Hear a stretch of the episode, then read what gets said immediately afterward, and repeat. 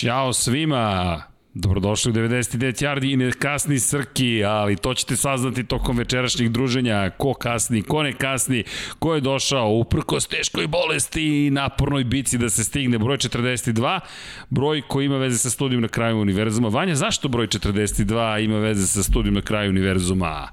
Da li mm. kviz kreće za one koji su rekonvalescenti? Zbog mojih godina. Au, smanjio sam ti dve Smanjio si mi go dve, tri si mi smanjio, ali... Ne računa ste. Očekujem da pročitaš vodičku z galaksiju za autostopere do sledećeg A, druženja. Ja sam kažem čak i Rins, ali... Odgovor, opa, nije loše. Odgovor na pitanje život, univerzum i sve ostalo je 42, to je konačni odgovor, ali pročitaj knjigu pa ćeš saznati zašto je broj 42 odgovor, a mi čekamo našeg kouča Jimmy-a, umeđu vremenu vidjet ćete usamljenu stolicu Spawn, Miksa je nestao, Jimmy je nestao, mi ne znamo da li je power ranking bio previše snažan, ali moguće, činjenica moguće. je da morali smo da počnemo, pa malo ćemo da se upoznamo sa... E, pozdrav za Boška, javljamo ti se Boško malo kasnije, s obzirom na činjenicu da smo se ovde pripremali za emisiju, a krećemo polako, ali sigurno u šta? U Power Rankings broj 3, zašto? Taman ćemo iskoristiti priliku da se podsjetimo koji su nam timovi bili u prve dve emisije Power Rankinga izabrani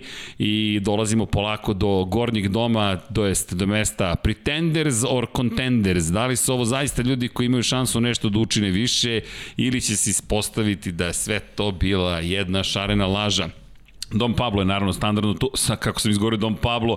Do, Dom Pablo trenutno pije čaj, levom rukom, desnom upravlja studijom i pojavljuje se Power Ranking broj 1 na poziciji broj 32 Houston Texans, zatim Detroit Lions, New York Jets, ok, Denver Broncos, Jenksoville, Jaguars, jao, Vanja, kad se sretnemo na terenu, pa kad Jetsi pokažu svoje nova krila, džaba, struja. Sve nade u tim tibu. O, ovaj, Trevor Lawrence.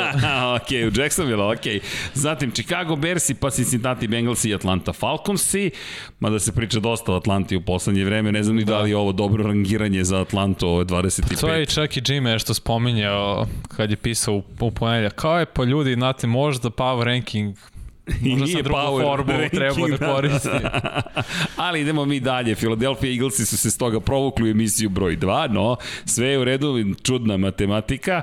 Minnesota Vikings 23. pa Carolina Panthers i Las Vegas Raidersi, Dallas Cowboysi, Pittsburgh Steelersi i dalje kontroverzna pozicija Washington Football Team i Los Angeles Chargersi. Samo jedan tim naš četvorice je otišao dalje, saznaćete tokom ove večeri da li je to u ovoj emisiji ili nije, pa idemo jedno po jedno. A vidimo ovde neke prozivske za spam. Inače, Vanja Aleksandar Rendulić kaže, ljudi imate li vi zvuk? Ja se nadam da imate zvuk, mi se ovde na priča smo. Imamo Ima mi zvuk. zvuk, molim vas. Molim, evo čujem samog sebe. Mada mi glas manje funkcioniše i e, dalje. Čekaj, ja moram te pitam, je li to kapica Cam Newton fazon ili nešto drugo u pitanju? Nije, Novi nije. stil furaš, čekaj. Svidio mi se kad mi Ivica rekao pozdrav za Ivicu da izgledam na vlasnika tropskog bara, tako da... E, do, okej, izgledaš na vlasnika tropskog bara, dobro. Pa gde, je onda pići za, za petak veče? Pisi čaj. Nije dobro, ima nas više ovde, ja, ja ne znam, zaista. Spasili me. U svakom slučaju, dok čekamo Jimmy-a, Jesi mi dobro? Bolje, bolje, bolje. bolje, bolje. Dobro, da iskoristimo priliku, evo dok se tu, dok se dok sačekamo kouča ko je na četu, prvo udrite like, 90 ljudi, 25 lajkova, pa ljudi dokle ja da pozivam na to lajkovanje i subscribe-ovanje, umorio sam se, nisam lažem, ali molim vas, eto, like, like, like, like, Nikola Nedić danas sve radi, danas sve radi, držite palčeve, u svakom slučaju, to da. treba bude čudno što sve radi ja ne razumem to. Opa, ovo je da Dom Pablo je neka prozivka na vaš račun. Ja, ja Vanja ne. nam je bio bolestan ove nedelje. Sve smo razumeli, Vanja. Pusti sad. Bacio si, rukavicu si bacio u lice Nije prozivka, nego baš suprotno. Normalno suprotno, je, kaže, Dom pa, normalno je sve da radi. Je to zato što je viši od tebe ima veću kilažu ili... Pa možda malo. No, evo, teretana bi mu prijela malo, mi se opustio Dom Pablo. No, nema veze. Ima ove nedelje, nisam mogao da idem, ništa nisam radio, tako da. da, e da, ide jedno pitanje, kaže ovde, da li smo razmislili o pitanju za Brady-a, jesmo, jesmo odgovorili prošli put za Brady-a? Pa nismo u kompletu odgovorili, ono je bilo na vrh glave. Na vrh glave, jesmo razmislili. Ali to, šta za njega pitali. ćemo ostaviti kad bude njegov tim bio. I možemo sad već da Koji je kažemo da je... tim? Čekaj. E, pa Čekaj da te tam, pitam Tompa koji je Bay. njegov tim. Tompa Bay. To, Tompa Bay, dobro. A u Srki nešto si nam se ubucio, šta je to? Nisam se ja, Dom Pablo se ubucio, ovo ovde je kamera, promenili smo Uga. promenili smo objektiv, wow, vadim se ugla to. kamera. Da, da, ali dobro. Vanja, šta kažeš za Lakers, se pitate Saša Kuga? Pa nije neočekivan, mislim, da se ne lažem, bili su povređeni, ako Davis nije 100%, oni ne mogu da izbace tim kao što je Phoenix, to je real, realnost trenutno. Plus LeBron nije 100%, tako da je ono, nije za ne iščekivati što su ispali. Ne treba mi ko se ljuti ili da misli sad kao wow, Phoenix je ozbiljna ekipa, ali Lakers su bili povređeni. Tako da je sve cool. No, okej, kad ti, kad, pozdrav svima, pozdrav za Stevija, da li je ovo nije Čekaj, im Stevie? pitanje ste, je li Spawn isto onaj superheri što ne priča? Spon. Da. Spon priča koliko se ja sećam. Spon, I, je li, ne mogu, je siguran? Pa sad, znaš kako, poslednja verzija Spona bila je 1994. Ti rodio se nisi. Ja mislim da on nije 96.. pričao u tom filmu uopšte. Siguran da nije Spon pričao. A u, evo pitanje nagradno. Ne znam, moram ti priznati, moram da pogledam. Mislim, ali nisam siguran. Pa zato to stolica spon, možda je to A spon. ti si se zbog toga setio Da. da. spon, za se spon. Pa nadam se da će Jimmy da se sponuje, u suprotnom ne znam kako će sve ovo da izgleda. Rekao mi je, Srki stiže mu pucanj, vidi, pucanj je odavno prošao, power ranking počeo, mi ćemo još malo ovako da trošimo vreme i da se družimo. Jesi video za povredu Kema Newtona? Da, šaka čini mi Da, se. povreda i to bacački ruk. Da, da, nije trening mogu da odradi danas, tako da je samo bio sa strane. Dobro, još tek je početak juna, tako da ne bi trebalo ništa da je ozbiljno. E, vidi, te- tek je početak juna, Vanja, u avgustu su već presezonske da, da. utakmice. Mi smo na dva meseca zapravo od prvih utakmica. Ako nije ništa ozbiljno, neka povreda, onda je miran, ali ako je prelom ili tako nešto, onda to već mesec dana pauze, to je onda big deal. Je, jesi, jesi shvatio da, da smo mi na tri meseca od sezone? Ja mene to oduševlja, mi smo ljudi samo na tri, kad se ovo desilo, ok, iskoristimo leto, nabacit ću ja tu letnju liniju, nemojte ništa učite, beach party će da bude ok. Gde je kralj Miksa? Miksa je danas sa klincima, mora da drži predavanje, večeras profesor i profesor ne znamo gde je, b- gospodin profesor se javio, Coach slash king. Coach, sle, ne, coach je coach, a king je king, a king A. je sa klincima. Pa da. Tako da ne zamerite, ali tokom ovih letnjih meseci i mi ćemo verovatno napraviti, sledeće nećemo napraviti pauzu. Moramo da napravimo pauzu, inače će ovde svi da imaju ček, preko 400 kila. Jedini fit je još uvek Vanja, Dom Pablo, nemam komentar. Za sebe tek nemam komentar. Coach je čak nabacio koje kilo tamo posle kombajna, ali dobro. Pa odradio je svoje, ima tape, tako da je to... Tako da je sve u redu, tako da da. Inače, neko je pitao da li ću komentarisati, pretpostavljam ja, Formulu 1. Da, komentarisat ćemo Filipe, to je Pavle Živković i ja ćemo komentarisati Formulu 1. Je. Tako da da, Formula 1 u 14.00, 13 kreće MotoGP. Jel to Vanja sa plaže došao? Pa bilo bi. bi lepo da jeste. Evo, Iz kućne neke. Bojan Markov pričao Spon kako nije psovao sve u 16. Stvarno, a Znaš ko je, može- ko je onda superheroj koji ne priča? Ja sam stvarno bio ubeđen da je Spawn. Super heroj koji ne priča. Da, ili antiheroj. Bio sam stvarno ubeđen da je bio Spawn koji uopšte ne, ne priča, ne govori. Ne, ili sam pomešao s nekim drugim filmom. Oh, ne znam, evo pozdrav za Makedoniju. Ako zna neko, nek napiše u četu. Stvarno, bio sam ubeđen da je Spawn bio u pitanju.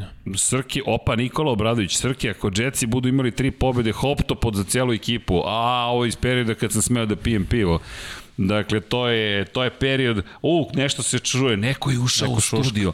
Neko je ušao u studio, da li je to gospodin Jimmy, da, da li je to coach? Coach Juri, čekaj, coach Juri stigao je pucanj, ali ne znam u kojoj vremenskoj zoni, Pa. ali sve je okej, tama nam je stiže. uh, Kaže, akademski 15. Jimmy, da li, Srki, da li Jimmy slavi pobedu Vukova? Pazite, stavili su dres iza mene Vukovi Beograd, to je Dom Pablo stavio, tako da pretpostavljam da je to proslava. Ali šta kaže Vanja za Ferrari? Za Ferrari, nisam gledao, oporavio se, pa nisam. Ovo nisam, moraš a- da pogledaš. O, stigao je ni manje ni više. Molim vas, uđite, ne, kroz ovaj kadar, stavite na kec. Jao, Dom Pablo ne da kadar da se vidi. Pa kada znate kakav entrance je ovde.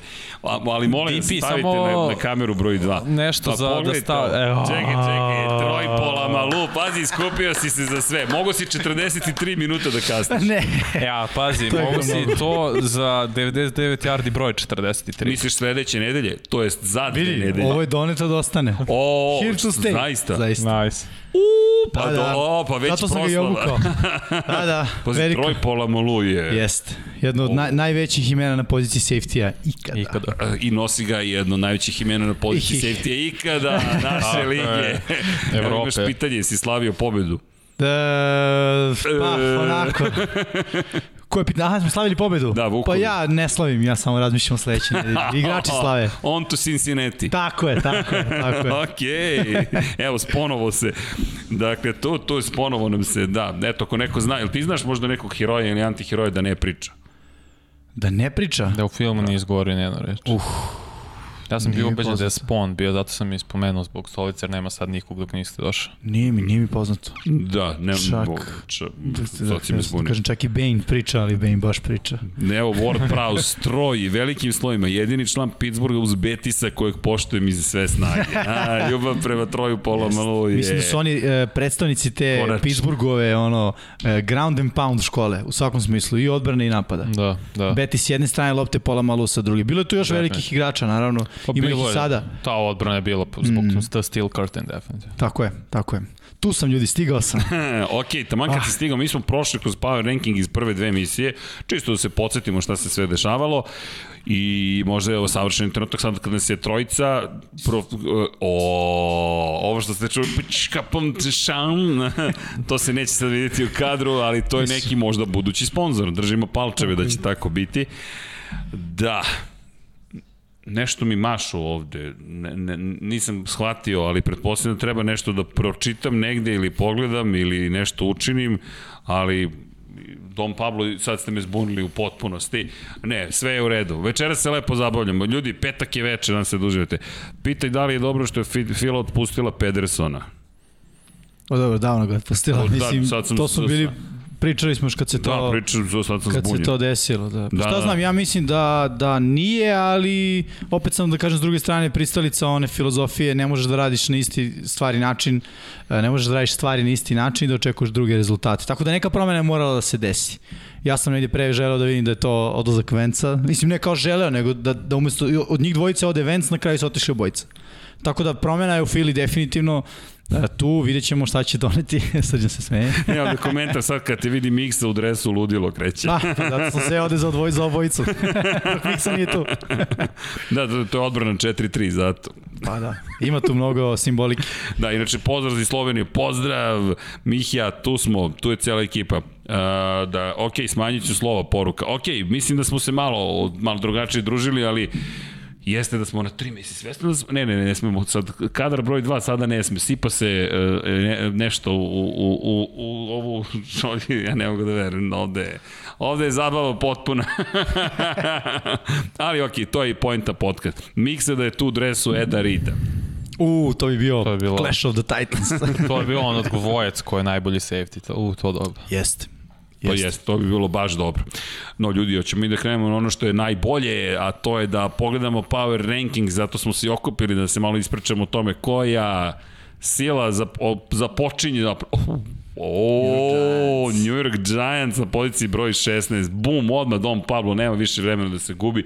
Ovde smo, košuljicu smo već isekli i upropastili, osmeha više nema. Možda se pojavi na kraju emisije. Ljudi, Otkud ovde, čekaj, New York Giantsi, je li ovo sad opet čudna matematika ili... Pa, mislim, ne znam, proći ćemo kroz to uh, gde ih je ko stavio od nas, Da. uh, ali meni ima smisla. Uh, pojačali su se, vraća se Saquon Barkley, ofanzivna linija je prošle godine pred kraj sezone već i delovala mnogo bolje.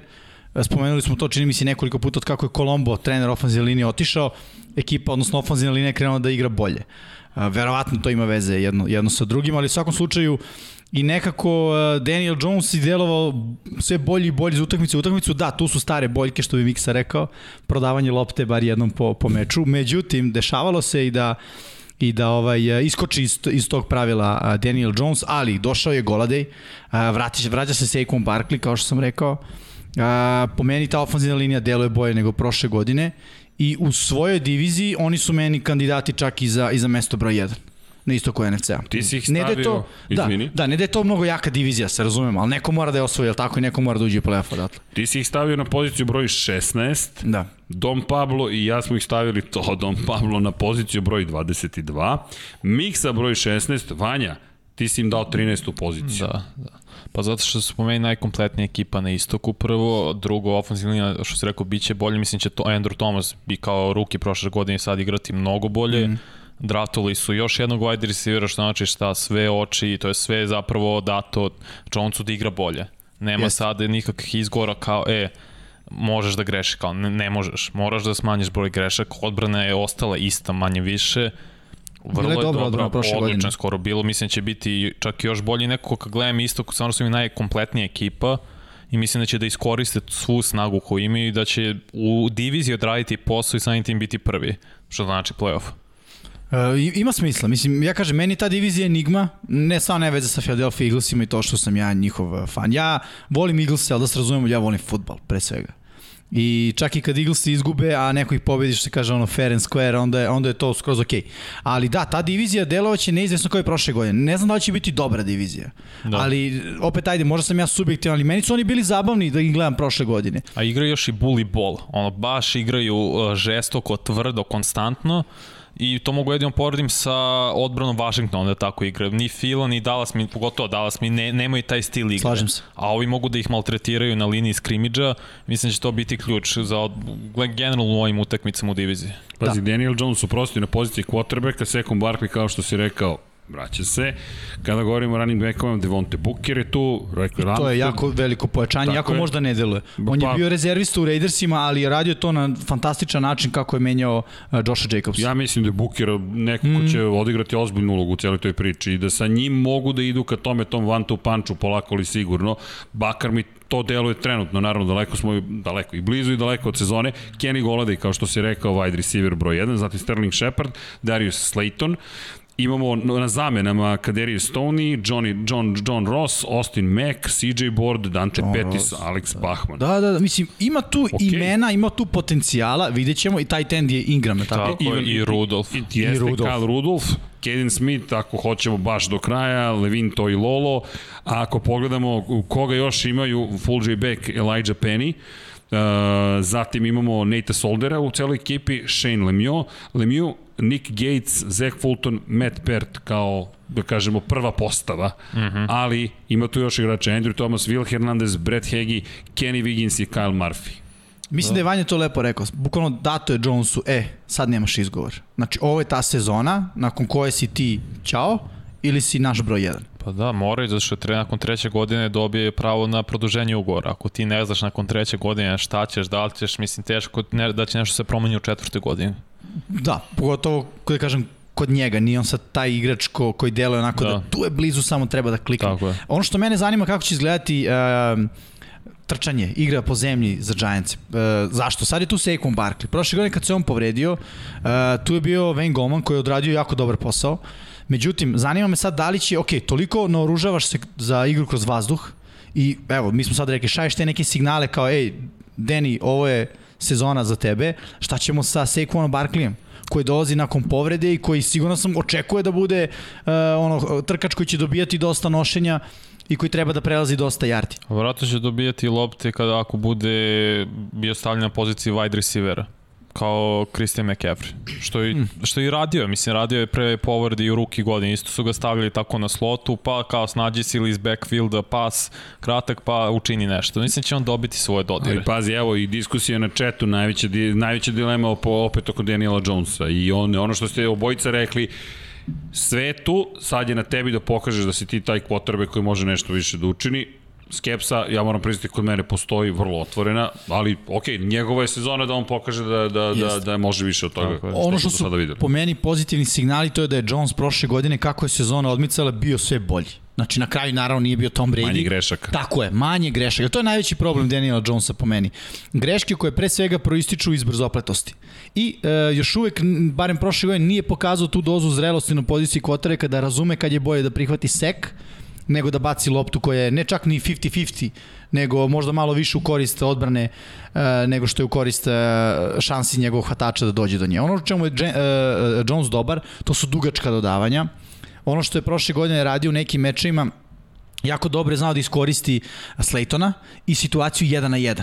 Kada prepozna da, je, da je stiže blic, da je Slayton 1 na 1, on baca dugačak pas, Slayton je jako dobro u tome, mislim da će i Golade biti odličan dodatak upravo, upravo u toj igri, ali opet ne očekujemo Giantsa da budu ekipa koja će da se uzda u taj jedan veliki, uh, veliki play koji će da prelomi utakmicu njihovu korist. Tako ne igraju ekipe koje, koje žele da u play-offu nešto pokažu. Evo pitanje, i to je odlično pitanje, Bojan Marko, ako odigra loše Jones, da li sledeće godine New York Giantsi biraju na, na draftu quarterback? Ja mislim. Pa moraju, ako bude igrao lošije nego prošle godine, onda stvarno moraju da ozbiljno pogledaju tu, da razmote tu opciju. Ili, mislim, i dalje opcija Deshaun Watson ako bude ono čist, ako bude Dobro, to je, da, to Neukaljan. je. neukaljan, je- odličan reč. Već je on ukaljan, ali sad da li se može Ali da se to ćemo znati prošle, toga? slede, to je sledeće godine, Naravno. tako da na, nije, nije, nije draft jedina opcija.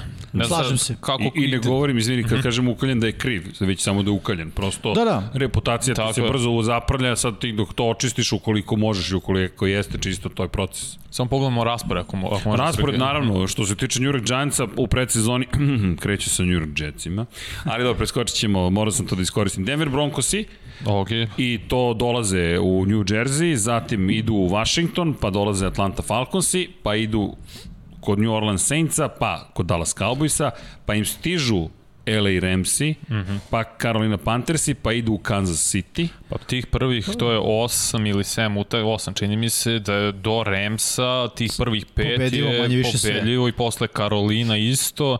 Znači Aha. prvih 8 realno mogu 5-3, ja kažem 6-2 u najbolji pogled i to je već ozbiljna prednost u diviziji. Pa ajmo ovako, Denver trebalo bi da mogu da mm -hmm. dobiju. Washington, Pa, to da. je divizija, Pa to je da, uvek Jest. otvoreno. Vidjet ćemo ko će biti quarterback Washington. To je to, to je ono što smo pričali. Da. Kako će izgledati u prvom meču? Pa i znaš, Chargers, da. evo i diskusija opet oko Heinikija, da li je on taj ili nije. Znaš, nema mnogo utakmica, što, to, to, to je Mm. ono što jeste najveće pitanje. S Fitzpatrickom opet ista priča, može da bude zvezdan, A može bi da se bude... složili to. sa ovim, prvih mesec dana, možda mesec i po u NFL-u, realno dominiraju napadi. Zato što odbrane dok se uigraju, dok vide sve kako je šta, ako je napad još uigran, kao što su Chiefs i Da, is- redovno i Daniel Jones je već treće godine u ovom sistemu. Pazi, znaš ko ti pobija teoriju odmah? Mhm. Super Bowl šampioni prošle godine. Baxi su kako je sezona odmicala, bili sve bolji u napad. Sjeti se Brady-a Ne, i onih jeste, jeste, ali ba. Brady je ušao u novi sistem, zato što to Ok. okay. bez ikakve pripreme. Sad gledam malo iskusniji ti timovi koji su već bili na okupu, oni već imaju na, od, e, određeni game plan, bar u napadu, koji je ok, check down opcije su to, to i to. Imao neke, možda, možda grešim, neke sigurne akcije koje su kao, ok, ovo ćemo sigurno da radimo šta god bude bilo. Sad ne znam, ti, ti si coach i sve ti vjerojatno bolje znaš od mene. Da, pa u, u, mislim u pravu si, da, ima uvek neki, e, da kažemo, sistem oko koga se vrti. Mm. -hmm. Da li će ekipa da bude, ne znam, zone read u napadu, da li će da bude onaj takozvani West Coast ili će da forsira neka duža dodavanja ili će da igra na... Jel Uvek- napadima generalno lakše na početku sezone da se uigre nego napadima uvek teže. Mm. -hmm. Napadima je uvek teže iz prostog razloga što u napadu kada jedan ne uradi, sad ovako, imaš 11 igrača, levi tackle, prođe ga defanzivno, to je sek. Džabe što si ti trčao dobro svoju rutu. Džabe što je quarterback e, video da si ti slobodan, nije imao tu sekundu koja, je- koja je bila neophodna. Ista stvar za trkača, dobije uručenje, centar promaši blok, to je obaranje za minus jarde. Džabe što svi ostali uradili po odbrani, ne toliko, znaš. Di tackle ne uradi svoj posao, može ga zakrepi linebacker, da to bude za napad ono napredak od yard 2, to se opet smatra ok, dobra odbrana uradila, znaš, nije loše, sve ispod 4 jarde po playu za odbranu je pristojno. Ok, onda su Chiefs i anomalija, pošto Chiefs i svakog me, Chiefsi svake godine anomalija zbog- svima u, u septembru daju 35 plus. Zato što imaju Patrika Mahomes, imaju neko Dobro. ko ne igra nikad loše. Dobro, pazi, Chiefs, ali i Tampa Bay i ti anomalija, ako tako pogledaš to ovo što ste pričali, znaš, ali, ali ajmo ovako, opet da se vratimo na raspored, da se vratimo na ono što smo pričali, da krenemo iz početka, još jednom, Denver, dakle, to može da se dobije, Washington, to je u duelu diviziji, Atlanta Falconsi i tekako mogu da zabeleže pobedu New York Giantsi. I još jednom, New Orleans Saints, o tome ćemo diskutovati malo više, ko su trenutno New Orleans Saintsi bez Drua Brisa je tema i NFL-a generalno, zatim Dallas Cowboys, to će biti baš Sve to tuča. diviziono će biti Tako tuča, je. da. I onda dolaze, onda i dolaze LA Ramsi, To će biti prvi, prvi veliki problem. Tako je. Test. Pa Carolina Panthers i tu rekao bih da su izjednačene snage. To nije neka prednost ni za jedne za druge, dakle možeš da zabeležiš pobedu. Kansas City, ok, mislim da nema potrebe da diskutujemo previše, da. to je pobeda za Kansas City. Las Vegas Raidersi, opet otvorena jedna utakmica. Jest. I zatim imaš pauzu. Pa, ideš u tampu, Odlično vreme pauze. Da, Odlično ali ideš u tampu, Sezone, lepo. to ti baš i ne leži da posetiš šampione, zatim Philadelphia Eaglesi stižu, mm. još jedna divizija, pa ideš u Miami, to će biti Opet nezgodno, teška da. utakmica. Pa onda ide i preposlednji Buffalo i New Ne, ne, England. pazi sad ovo, LA Chargersi, Da. idu u Los Angeles, zatim Dallas, Philadelphia, Chicago Bearsi i na kraju Washington. Pa relativno nisu- ne solidno ukrštaju sa završavaju. Istokom. Da, samo Miami. Samo relativno s- solidno završavaju, ništa sad neke pre ono sigurne poraze da računaš. Da, imaju, ali imaju dosta utakmica u diviziji, ako se ne varam. Rekao si Dallas i Fila i Od kraja Washington. novembra do, do početka januara Da. ti si manje više u diviziji. Pa da, i na početku sezone je tako i na kraju, Jeste. ono, tako im je Ali raspodelje. zanimljivo, obe, oprosti, utakmice Filadelfije su na kraju. Da. Da. Poslednja utakmica protiv Vašingtona, to nikad naravno ne želiš i imaš Dallas svakako i, i tri ozbiljne, imaš jednu preozbiljnu ekipu, imaš Tampu i onda imaš priču, imamo Miami koji je malo ispod toga i Chargers i Bears. Ja bih samo rekao da su Bersi onako najslabiji od tih. Pa Njih možeš izdvojiti iz ove grupe. Atlanta nivo. E, Su Bears. Da, da kažem. Da, Da, Ali je- iz ove grupe poslednjeg dela sezone što se njih tiče nakon slobodne nedelje, Berse možda možda Upravo si. izdvojimo, možemo i tamo s druge strane. nam sa Kao, velika, ali Bearsi ne obećavaju toliko. slažem se. svakako. Mislim, da kažem, Berse bi izdvojili na neku donju stranu, Da, a da. Tampu na neku gornju, ove ostale ekipe više Tu ka negde gore. u sredini. Da, ali više ka gore u odnosu na Pa Giants. da, pa i realno imamo Izvini, četiri... Pa imamo power rankings. Pa to, bukvalno imamo lepo piše. četiri, o, to je Giants imamo četiri, a kažemo ozbiljnije, ozbiljnih protivnika. Kansas City, uh, Tampu, Ramse i uvrstit ću to u Miami. U to, Dobro, zato slažem što se. je gor, gornja polovina. Da. I da. to je ono, ali sve ovo ostalo što ti kažeš tu u sredini negde. Da. Da, da. Tako da nije toliko strašan raspored. Nije, nije, nije Zato strašan je, raspored. da li je playoff suša gotovo po meni posle pet godina, da li će biti. Legitimno pitanje. Legitimno, legitimno, Legitimno skroz. pitanje. Do, ovde se to upravo svodi. Contenders or pretenders. Ti si, to je to. Nit vamo, nit tamo. Ni, nisu nam najmoćnije ekipe, a opet moćniji su od onih koje smo već prošli i evo, Boris koji kaže jako lak raspored za Giantse u suštini. Prilično lag, da. Da, zato i ovo, ovo što posmatramo, posmatramo iz te, iz te perspektive. Ok, New York Giantsi, pozicija broj 16, vreme je da predstavimo ekipu na poziciji broj 15, da vidimo ko je to. Tennessee Titansi, kada je reč o tome kako smo birali kad, Tennessee Titanse, Miksa je rekao za Tennessee da su pozicija broj 15, Don Pablo je rekao da su pozicija broj 14, Vanja je rekao da su pozicija 18, Jimmy im je dao broj 14, ja sam im dao broj 20. Tu, Jer se, tu se ja poverenja. o, ogrešio. Realno sam trebao da stavim Tennessee ispod, ispod Pittsburgha. Be, stvarno, to je, raz, razmišlja se to Da, da prethodne vadiš. nedelje. Ne, Da, kasno momče, kasno. ne kasno i sada, kasno, momče. nego realno i prošle nedelje sam malo to prošao, deluje mi da su oni u ovom krugu Pittsburgh, Chargers i Čekaj. Tennessee u smislu da je Tennessee ipak lošija te dve ekipe. Ja sam ih stavio iznad Pittsburgha, čini mi se, na ovom, samo bi zamenio njih dve, te dve ekipe, jer nekom ne vidim sad Tennessee u top, pet, u top 15 kao tim. To je o, sad kad bolje, kad pogledamo ono retrospektivu Ali neku. power ranking je tu, zakucanje i Da, rekli tako smo, govori. ovo je prvi power ranking. Da, biće prvi, još jedan, biće tako, revizija biće još power jedan, rankinga. naravno, pa mora biti, mislim, to je Ali- prosto normalno zato što se dešavaju promene. Čekajte ljudi, Julio kad ode negde, šta se dešava s tom Menja ekipom? se power ranking. Šta se dešava sa Atlantom? Ba, Atlanta power ide ranking. dole, neko drugi ide gore. E, Ali čekaj, jel osjećate moć Steelersa? Ti pazi, ovde pada prozivka, ti si u Steelers dresu, ja bih rekao ipak je to pola malu, ali ok, dalje su Steelersi. Vanja spominje Steelerse, da li to čelični su izvršili pritisak na ekipu Nisu. 99 yardi? ne postoji ta osoba koja može da izvrši pritisak, samo da ako nije mama. Vuka? Uljarevića, pozdravio ga se. Rekao je samo, hm, Pittsburgh. Dobro, Vidjet ćemo se u play vidit ćemo se. Ili možda nećemo, pošto su vaše ekipe zamerili loše. smo se Vuku, ja sam rekao Vuče, ali Vuče, kod mene su 11. U svakom slučaju, da, da li Titan se čeka takozvani slobodni pad ove godine? Eto, to je to. I kod nas se malo toga osjeća kao pitanje. Da, ono što mene najviše brine kod Titansa to je da li će Henry uh, biti zdrav cele ove godine. Ja mislim da on previše nošenja ima u prethodne dve sezone, previše je to udaraca i nekako uh, povučen nekim uh, prethodnim dešavanjima, nešto se njega tiče generalno u NFL-u, obično ta treća godina trkaču bude kobno što se povrede tiče. Sad, naravno, to ne želim. Ako se to desi, Tennessee kao Atlanta sa Julijom, znači ako Henrya izbacimo iz te jednačine, ne mora da znači, jer nisu oni toliko loša ekipa kroz vazduh. Samo što bismo onda e, verovatno videli neke prilagođavanja koje bi više uključivala Tenehila i hvot, ostale hvatačke opcije koje su sada, kada e, pričamo o njima, realno osim e, e, AJ Browna, Tako je. je veoma upitne. Pa to je, to je glavno i pitanje šta ako se zaustavi Henry, šta ako se slučajno povredi, nadamo se da neće, koje su ti onda opcije u napadu sem AJ Browna? Koji su legitimna opcija broj 1, ali šta iza njega? Nemaš više ni tight enda. Da. Dobro, nemaš- imaš Firksera. Firkser Ima- nije loš taj ten. Ne, okej, ali dok se ne dokaže da može bude tight end broj 1, Na to je sve ono, to je isto bila priča, uzet ću, e, opet Pittsburgh, Juju-a. Svi su mislili mogu, može bude broj on da bude opcija broj 1, ali nije. To je prosto tako, ništa strašno, ništa ja loše. mislim da Firkser može da bude opcija broja na taj tendu za Tennessee Titanse. A, ne pocenjujem Johnu Smitha, ozbiljan atleta, fantastičan igrač, ali budimo realni, svaka ekipa koja ima tako dobro trkača će imati dobar play action, što su imali Tennessee Titans. Iz play actiona prva opcija će uvijek biti tight end, jer je on uvek taj koji napada najpliće, najpliće zone odbrane uglavnom.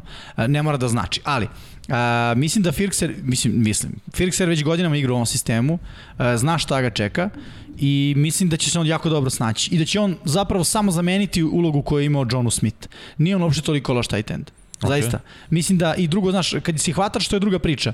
Kad si hvatač i kada se priča o tome si broj 1, niko nije pričao o tome i John Smith je ostao nije hvatač broj 1 Tennessee. To je AJ Brown. Da. I dalje je Johnu Smith neko kome e, ekipe kada pravi game plan prvo je zaustavi Henrya, onda je zaustavi AJ Browna, pa onda pitaj se da li je to Johnu Smith. Mislim Ili da se sad, sad taj redosled, da. ili, ok, aj sad kažemo ove godine da je ostao Johnu Smith, Aha, Corey Davis nije tu.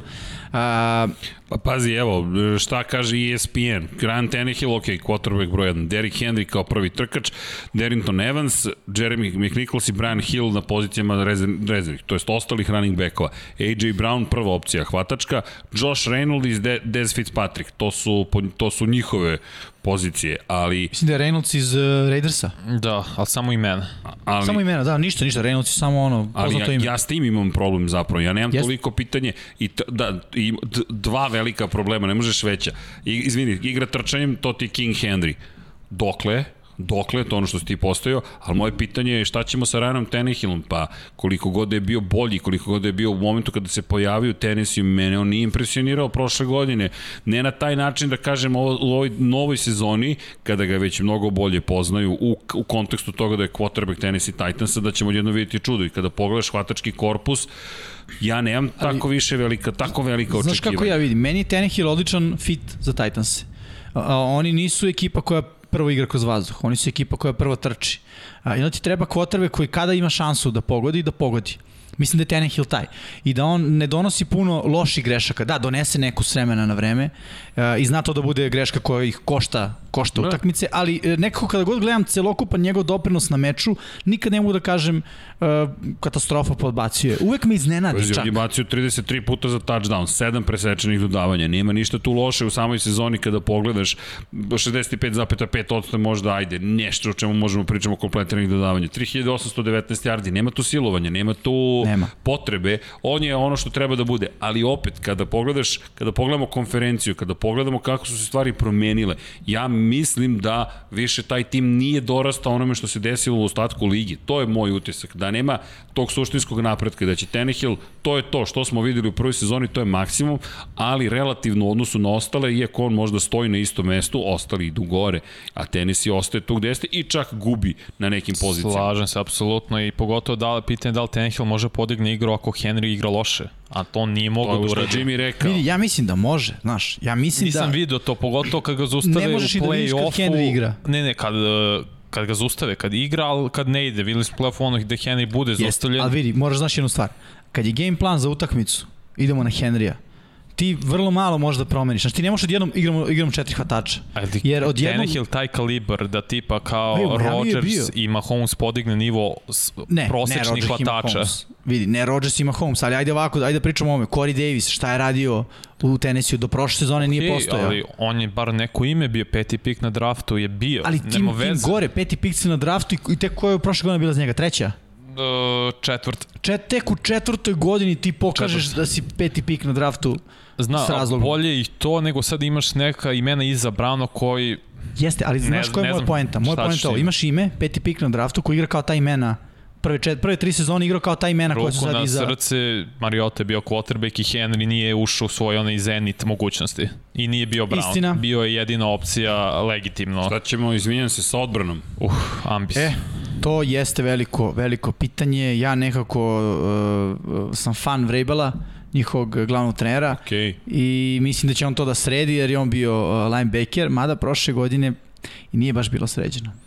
Ne, ako pogledaš odbrana, iako svi govore jaka odbrana, jaka odbrana, ta odbrana više nije toliko jaka koliko je bila. Već godinu dana. Da. To Prošle je, godine nije to bila ta odbrana. Nije secondary pogotovo rupa. Secondary, Jorel Casey je nedostajao, nedostajao je Korea. Pa, Bilo je tu, osjećalo ja se. obožavam Jeffrey Simmons.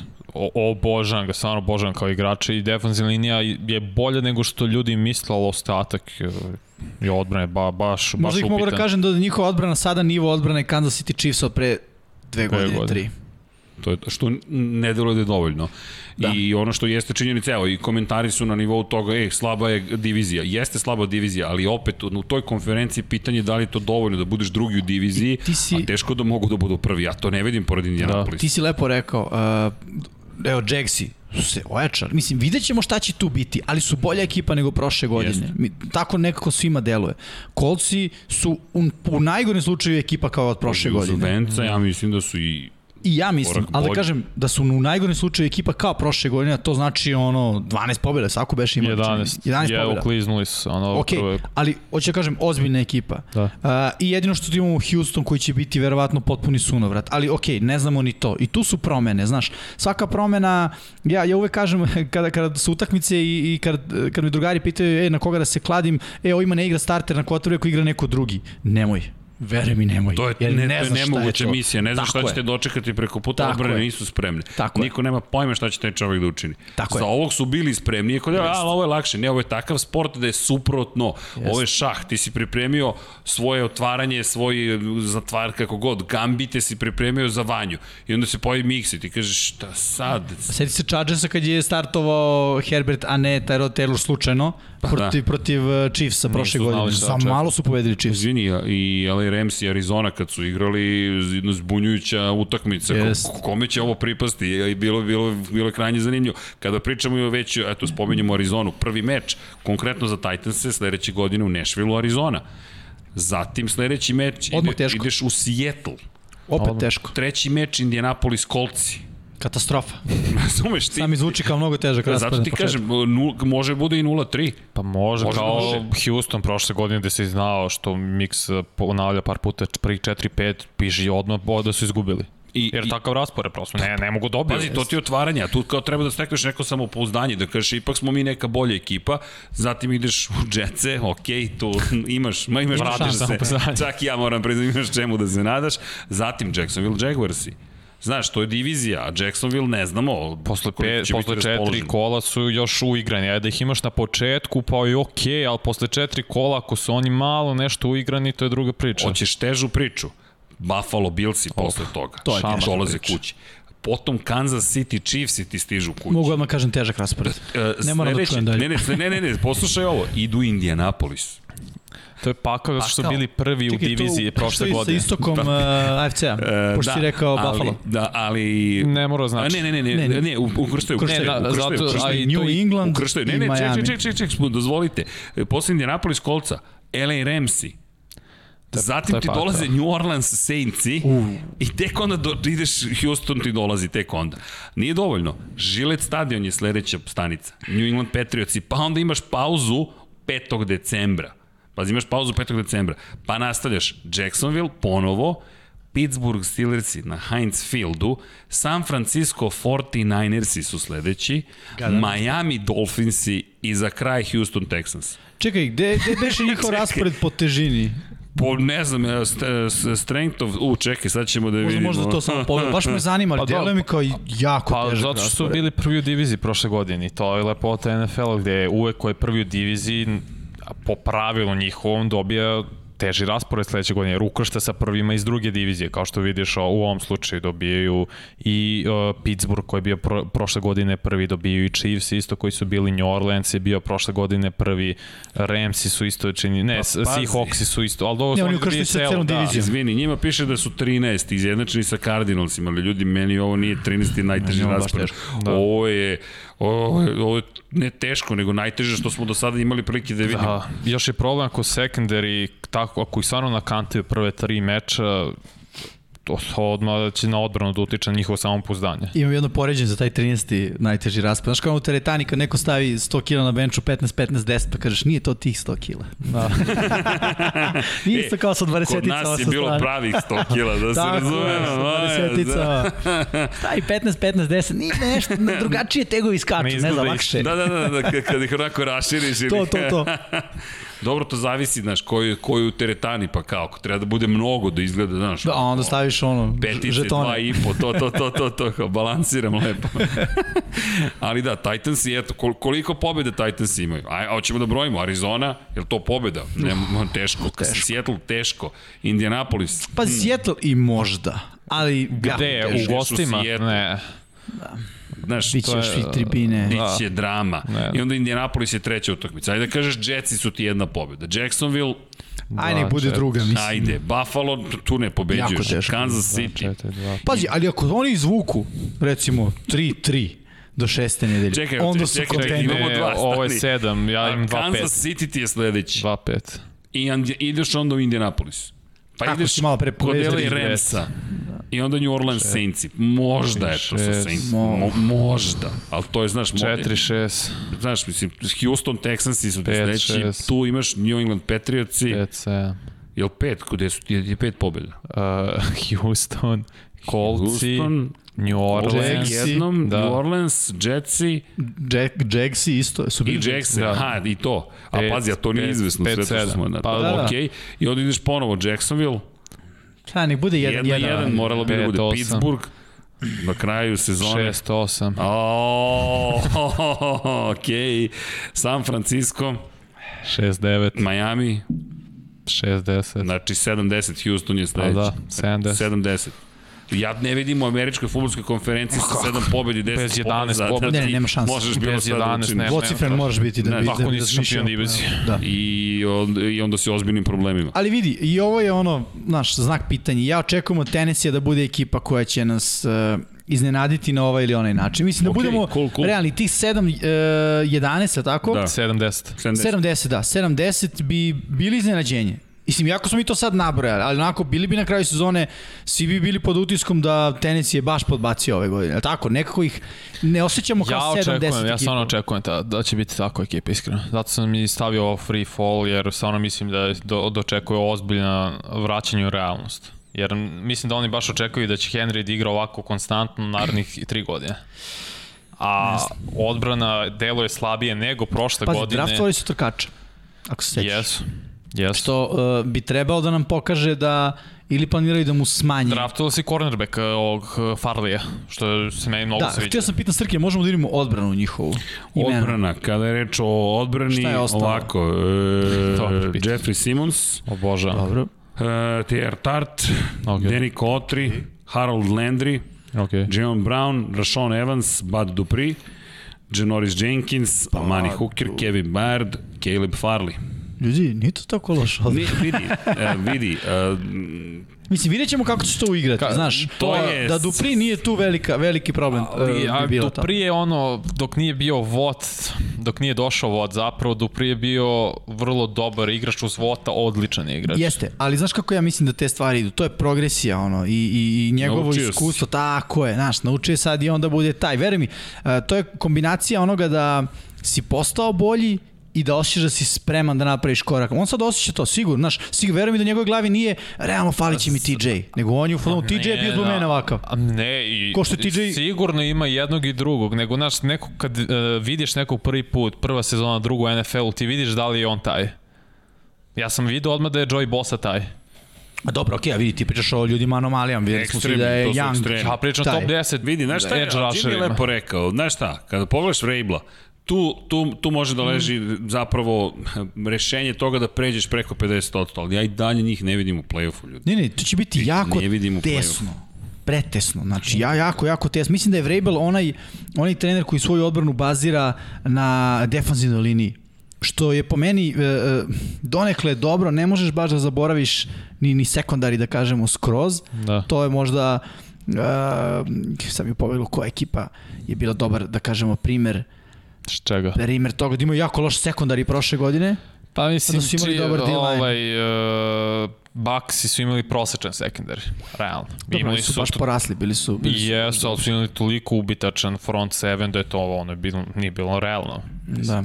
Da. Ali u svakom slučaju, uh, ja volim kada se odbrana bazira na igra, igrama, igračima defanzivne linije, jer i dalje verujem u taj, da kažem, stari futbol da ono sve kreće iz rova. Da. Pa to i delo je tako. Ok, Tennessee Titansi, enigmatična ekipa, probila se u najboljih 16 kada je reč o Power Rankingsu 99 yardi. Da. Idemo na sledeću ekipu. Ekipa broj 14 nam dolazi dakle iz, čekamo Dom Pabla, Arizone, Cardinalsi. To je, vidjet ćete koja je sledeća ekipa, bilo je tu baš tesno kada je reč o izboru.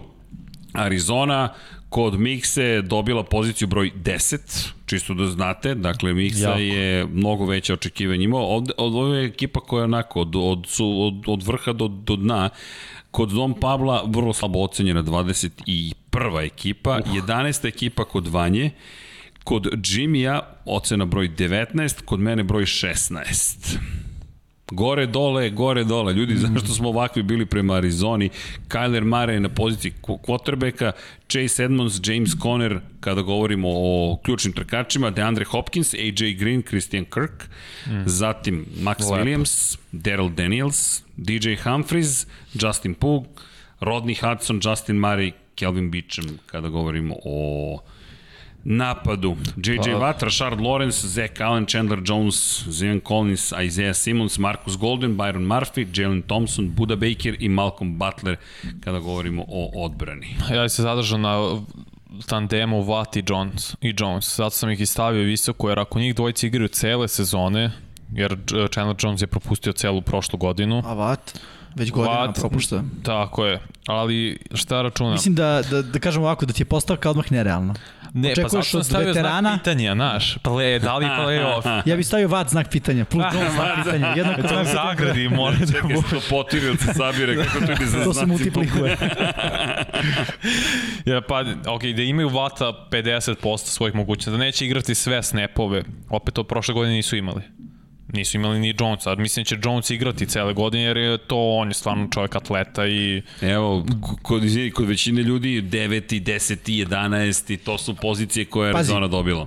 Ok, ali kako sam ja vidio celu situaciju? Prošle godine, onaj pred playoff period, Arizona, najveće razočarenje. apsolutno Znači, kad, sa sve onim hvatanjem uh, DeAndre Hopkinsa za touchdown protiv Buffalo. protiv Buffalo, Znači, sa, sa sve tim hvatanjem, sa celim njihovim završetkom sezone, oni su meni pokazali prošle godine da su a, nezreli. Znaš šta ću ti kažem? Provaljeni. I meni čak i, meni je bolja Ne reč. znam, ali sveći kad smo pričali, za koju smo ekipu pričali da je ono potpuno negledljiva? Raidersi. Raiders. Da. Meni Arizona, Meni su fragmentirani. Kao da su fragmenti koji sami po sebi su okej, okay, ali kada ih staviš nema zapravo nema tih delova koji su- nema sklopljene cele slike. Moćna je jedna ekipa kada pogledaš imena. Sve to deluje sjajno i prošle godine sam baš verovao i u Mare i celu tu priču. Međutim ima i ovoga što si rekao kada reč kada, kada govoriš o provaljeni, ali prosto ne deluju mi kao ta ekipa. Još kada pogledamo raspored, a raspored je Tennessee Titansi, ok, okay. Minnesota Vikingsi, Ok. ok. ok, Jacksonville Jaguars. I sad kao, pa čekaj, Ok. to je, ok, dobar početak. Možda 3-0, da. Da, Los Angeles Ramsi, Divizija. da. Njihova divizija je jako teška. San Francisco 49ersi sledeća utakmica, Cleveland Brownsi su sledeća utakmica, Krvavo. onda jedno lakše nadmetanje Houston Texansi, pa Green Bay Packersi, pa ponovo San Francisco 49ersi, pa stiže Karolina koja bi trebalo ipak da bude, mada oni su znali prošle godine da kiksnu ozbiljno. Da. Zatim Seattle, pa onda imaš Chicago, pa ponovo Los Angeles Ramsi, pa onda Detroit Lionsi Indianapolis Coltsi i za kraj Dallas Cowboys i Seattle Seahawks. Ej, dosta onako pomešane karte. To to. Potpuno. Na njima je, a nisu me uverili da će u tim ključnim Upravo. momentima biti dovoljno dobri. Ovo što ti kažeš, podbačaj i zato sam ja skeptičniji prema Arizona Cardinals. Kada pogledaš roster njihov, kada pogledaš spisak igrača, to je, po- pogotovo uz JJ Watta, kakav god daje, on je ime koje ti donosi tu veru da čekaj, to, Upravo. to možemo. Upravo, i o, sve zavisi kako Kingsbury mora da napravi bolji game plan, da ne bude, ako nema Hopkinsa, koga će da, da targetiraju, ko će, koja je broj opcija broj 2. Igra trčanja isto bila loša, da nije bilo Mareja, bilo bi skoro, ne, skoro na nivou Ali vidi, Pittsburgha kao To najgora. je, to je, ja mislim, to ide uz to kad imaš Mareja. E, u smislu, e, zašto je razlika između Baltimora i Arizone? Jedni i drugi imaju, da kažemo, potencijalnog trkača ili... Mare ima bolju ruku od, uh, pre, Nisam čak ni od to precizniju od Lamara. Mislio sam nešto drugo. E, Razlika u pristupu. Baltimore je rekao koristit ćemo Lamara kao trkača, Arizona je rekao koristit ćemo Mareja kao dodavača koji ako pukne neki strči. Znaš, nisi vidio previše akcija kao Baltimore gde imaju da, da je zaista dizajnerano da Marej istrči. Treba. To je uglavnom u specijalnim situacijama. Treći Da. za jedan, ispred end zone, gde kao hoćeš da iznenadiš odbranu. To radi, ajde da ne preterujem da kažem Brady, ali setimo se i Manning je imao jedno tako lažno uručenje pa je Da, da. 6 sekundi kasnije ušao u end zonu sa 3 jarde zato što niko nije verovao da će Manning da zadrži loptu. Tako igra Arizona. Nije fokus na trčanju Kylera Mareja, dokle recimo Baltimore sa druge strane legitimno koristi Lamara Jackson i tu onda nastaje ne mogu reći problem. Mare se jako dobro eh, pod navodnicima bori sa tim, jer eh, ti igrači koji su jako dobre atlete kada trče, teško im je da obuzdaju to u sebi. Da, da, da samo spakuje loptu i da krene da trči. Znaš, on ipak gleda, e onda čini mi se da tu nastaje zapravo još veći problem, da on negde eh, preveliki želje da zaista bude dodavač, quarterback, a ne neki uh, dual. Bude kao Russell Wilson zapravo. Recimo, Russell je jako dobar i on je Baš si iskoračio. lepo to rekao. Jest. Baš kao da pokuša bude, i porede ga često sa Russellom zbog građe, Da. ali Russell Je, on je jedinstven trenutno u ligi. Da, da. Jedinstven trenutno u ligi i možda čak u nekom dužem vremenskom periodu unazad nije dugo bilo takvog igrača, ali kažem, e, deluje mi da Arizona ne gradi baš oko toga, nego više se gradi, ajde da budemo neka dodavačka ekipa, jer istina Mare ima fantastičnu ruku i jako baca i precizan je i sve to negdje na ruku, ali onda e, bojim se da ulaze u tu neku zonu forsiranja. E, otvori se prostor za trčanje, ne, nego otvori se prostor za trčanje, ali baci. Nemoj da trčiš, zato što nećemo da budeš trkač nego dodavač. Pazi, samo da, samo da se podsjetimo prošle godine, oni su izgubili od Detroita.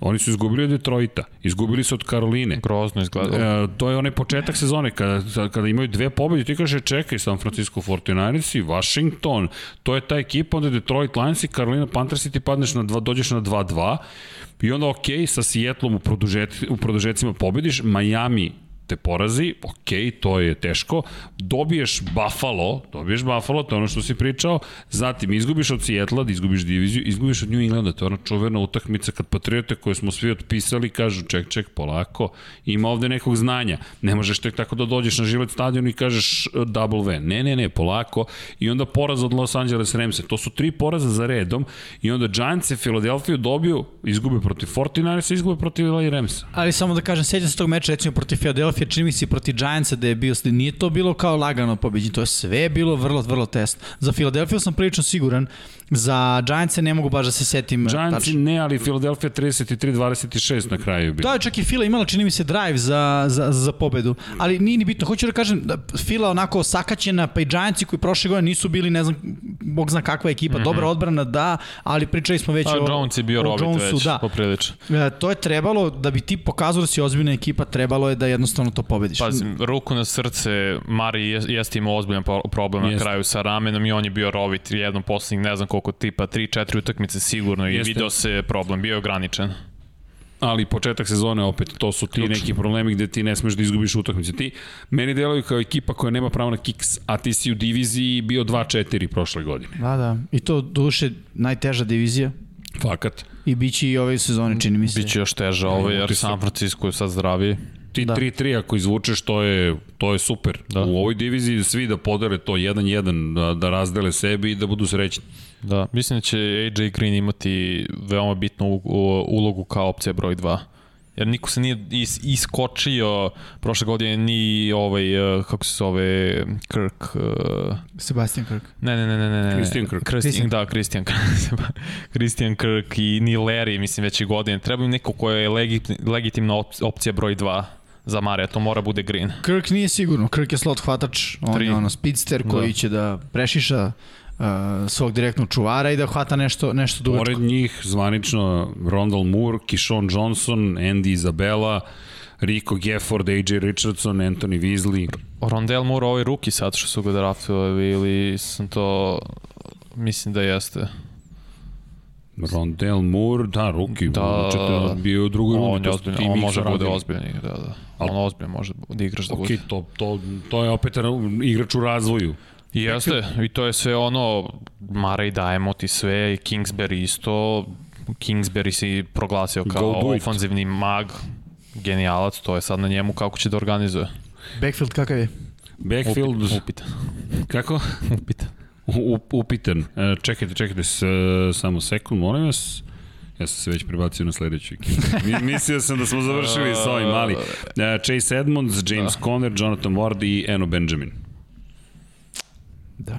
Vidjet ćemo. da, da. Da, Mislim, opet kažem, deluju kao toplo-hladna ekipa, da može da se pobedi, e, aj, ne mogu da kažem dosta toga, ali bar 50%, možda čak i malo, tu oko 56% utakmica da može da se pobedi, opet tako ne bih smeo da stavim ruku u vatru da će to i da se desi, jer to je Arizona može da nas proda u svakom trenutku. I, I obrnuto. Da. Negativna prodaja. To je da nas sve kupi i da kaže, hej, nas ste pocenili, da. inverzija je stigla. Ali to je opet ta zanimljivost, pogotovo, ja sam zaista duboko verovao da će Mari sledeće godine da bude potpuno stabilan i da će kaže to je to, ovo je moja sezona, na kraju se baš suprotno desilo. Ovo je sad treća godina, tako da mislim da to sad sledi. Moguće, Zapravo. moguće. Da. Okej. Arizonu, tu smo stavili gde smo je stavili. Arizona nam je na bro, poziciji broj 14. Vreme je za broj 13. Idemo na Floridu. Idemo na Miami Dolphinse koji su, eto, to je ta bila dilema kad diskusije da li su oni 14. i 13. Ljudi se Miami- ponadali da nije Tampa slučaj. da, Jacksonville smo već bili prošli. Da, Florida je zanimljiva koliko ima tu timova, ali da, teško da Tampa može da bude na poziciji broj 13, no, nemoj sad još i Tampinim navijačima da se zameriš, da nema, zameramo svi zajedno kolektivno, ovde ginemo zajedno ili uspemo je. zajedno, tako da da. Um, Miami, broj 13, ja sam im dao broj 13, kada je reč o, čekaj, Jimmy, Jimmy, Jimmy, Jimmy ih je stavio na poziciju broj 12, Vanja ih je stavio na poziciju broj 10, Dom Pablo ih je stavio na poziciju broj 17, Dom Pablo je surov prema ovim nekim ekipama i kada je reč o Mixi, Mixa, Miami stavio na poziciju broj 20. Miksa ih je u kanale. da, pa. Šteta ih što je nije tu da nam objasni. da nam objasni kako su baš kažem. 20. Sad ću ti Mislim da Miksa ima problem sa tuom. Ne kao da. lični problem, nego da. kako će tu da se... Posluđali su se u srednjoj školi. Dugujemo tu Dugujemo za ručak, da, za užinu. Ali da, Tua Tagovailoa, Miles Gaskin, Devante Parker, William Fuller, Jalen Waddle, Mike Gesicki, Austin Jackson, Solomon Kindley, Matt Skura, Robert Hunt, Jesse Davis. Trkači, e, pored Trkači, Geskina, Geskina, Malcolm Brown, Salvon Ahmed, Jared Dokes. Ok, trkači i off, hvatači ozbiljni. Ima potencijal Jesu. da budu ozbiljni hvatački korpus. da. Realno. I tu zato je pitanje ono, mislim, vreme je da, pokaže, da tu osije u smislu da pokaže taj talent koji je pokazao na Alabami. Apsolutno, slažem se i trenutno u celoj toj priči ja bih rekao da tu najviše škripi, kao ova moja stolica. Ali tu definitivno najviše škripi od, od svih tu igrača koje smo Geskin potpuno iznenadio prošle godine. E, Ofanzivna linija je bila respektabilna skroz. E, Što se tiče ovih e, momaka na, na, na poziciji, ajde prvo Gesiki, Gesicki, kako god, odličan taj ten. Gesicki, da. Odličan taj ten, tu nema nema govora, Da, da, da, momak koji da, isto da. da, zasio ne u svojoj ruki sezoni, State-a, da. da. da. Pričao se kao da će odmah da napravi impakt, teško to ide sa pozicije taj ten da pričali smo, ali sad je već pokazuje i ovo je odlično, taj ten koji se provodi njemu je ovo mislim druga sezona. Treća sad, Treći. sad ulazi da, u treću. ulazi u treću, da, da, da, igrao je drugu, to da, sam da. mislio. Taj ten koji u drugoj sezoni pokaže ovo što je on pokazuje, pff, taj ten koji će da se lepo naigre, ja bih rekao, u, u NFL-u. E, ovi hvatači odlični, E, odbrana pokazala prošle godine kreativnost na, na visokom nivou, miksovanje frontova, pokazivanje a, različitih kavriđa i, i, i zaista je onako vreme da, da, da, da Tua sija, kao što kaže natpis a, ovde. Jer ako Tua ne bude sijao, hm, Ne znam baš, možda ostane u mraku. Kiša na Floridi. Da. Ako da. tu ne zasije. Jer ono sa njegovom, da kažemo, prosečnom igrom, on kad je bio starter je bilo 6-3, ali to je bilo startovanje, pa menjanje i ono vrtenje sa Fitzpatrickom, dok je odbrana sve vreme bila jaka. I to mi se najviše svidilo prošle godine, gde je Brian Flores uveo takvu kulturu gde odbrana će biti glavni ključ. Christian Wilkins, mm -hmm. Rekon Davis, Zach Siller, Jalen Phillips, Bernardrick McKinney, Jerome Baker, Emmanuel Logba, Xavier Howard, Eric Rowe, Jamon Holland i Byron Jones. Odličan sekundari. Da, da. Odličan sekundari. I generalno meni uh, Miami ima mnogo više, da kažem, pozitivnih nego te negativnih stvari.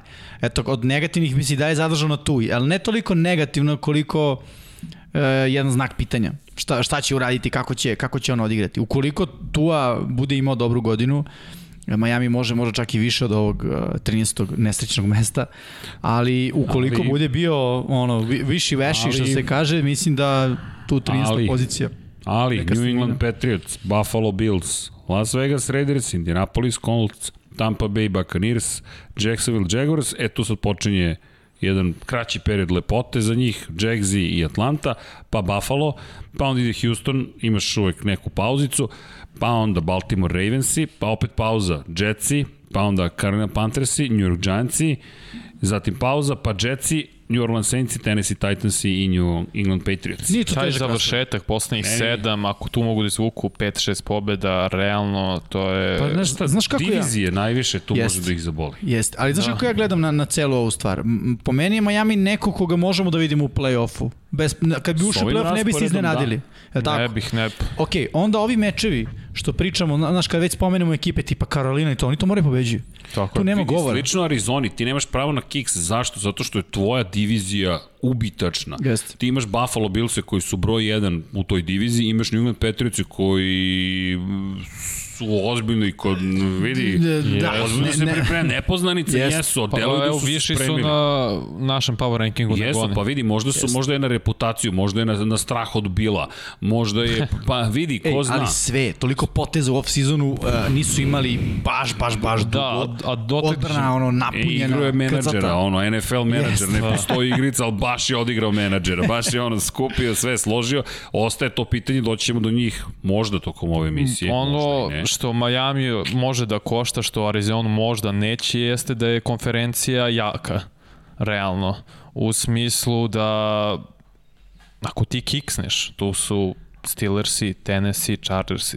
Znači ti iz ostalih divizija, Baltimore isto naravno da računam, ti iz ostalih divizija imaš neko ko će da cilja to, ja sam ih stavio u glavi kao sedmi playoff tim. Znači Znaš da ulaze ka... jedva. Ti već imaš neko ko će tu odmet da ti bude ni za, za vratom. Na NFC-u to ne vidim. Uh, slažem se, kao što si rekao, evo AFC, imamo jednu diviziju gde su tri ekipe potencijalne. Da, to je Cleveland, istog. Baltimore i Pittsburgh. Ja, ja sam mislio, ja AFC istog. istog Ljudi, istog protiv severa, to je, to je cela priča. Jest. Zapad da. je Kansasov, to je, to je, to, je, to je kraj. Jest. Chargers, Chargers možda nešto učine. To ti kažeš, znaš, već se poveća broj ekipa koje možemo da vidimo u play-offu i onda to sad odjednom stvara se slika, imamo dve divizije gde pričamo o tri ekipe, to, to je već nemoguće. To je već, oh. To je već ne, ne, ne, neizvodljivo. Da, to, got, ne znam da li postoji neka teoretska šansa. Ne, ne, ne, ne, ne, mo, da to... samo jedna divizija može da vuče tri, ne može da bude dve sa tri.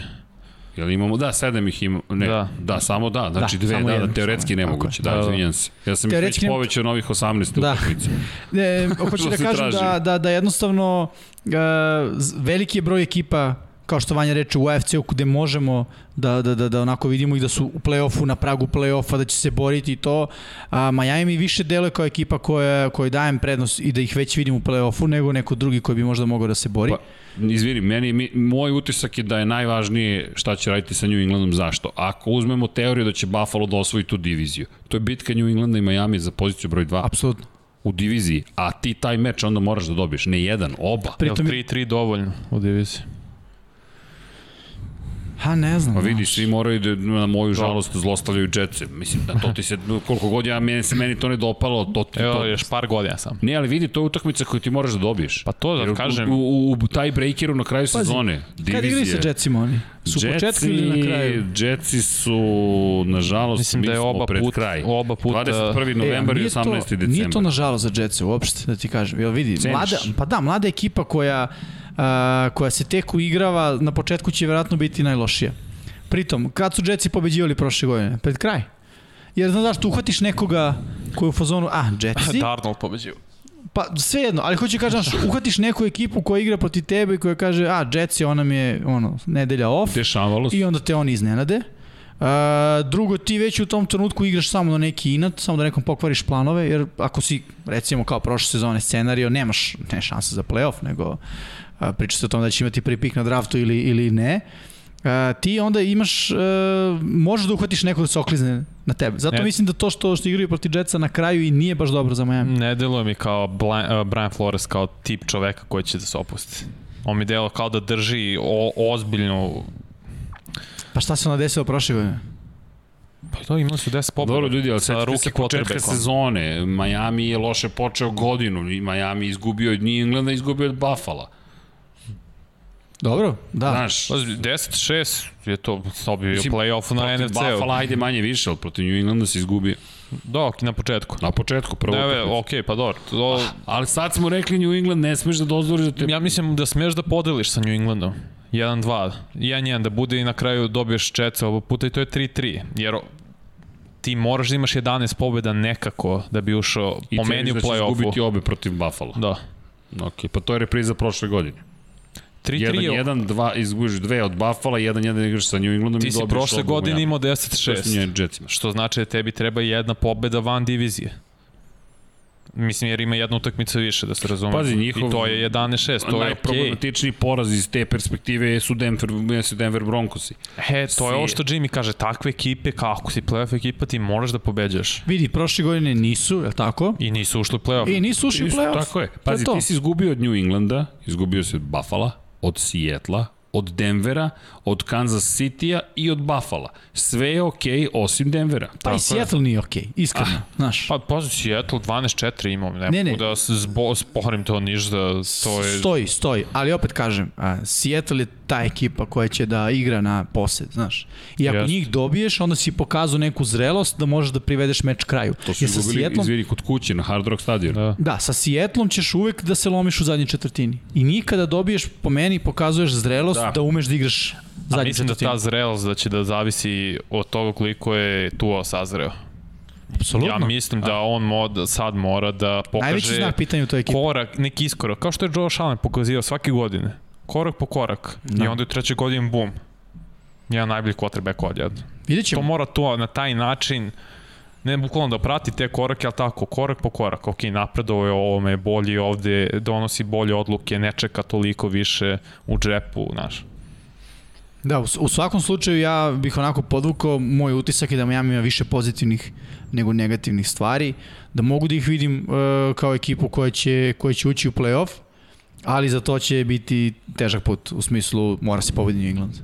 Jer kao što se Srki rekao, delo je da je to divizija Buffalo Bills sada. Meni tako izgleda, znaš, ali, ali opet da, vraćamo se na diviziju, da, znaš, da li će neko da, i ko će možda da kiksne, da li će Buffalo da kiksne.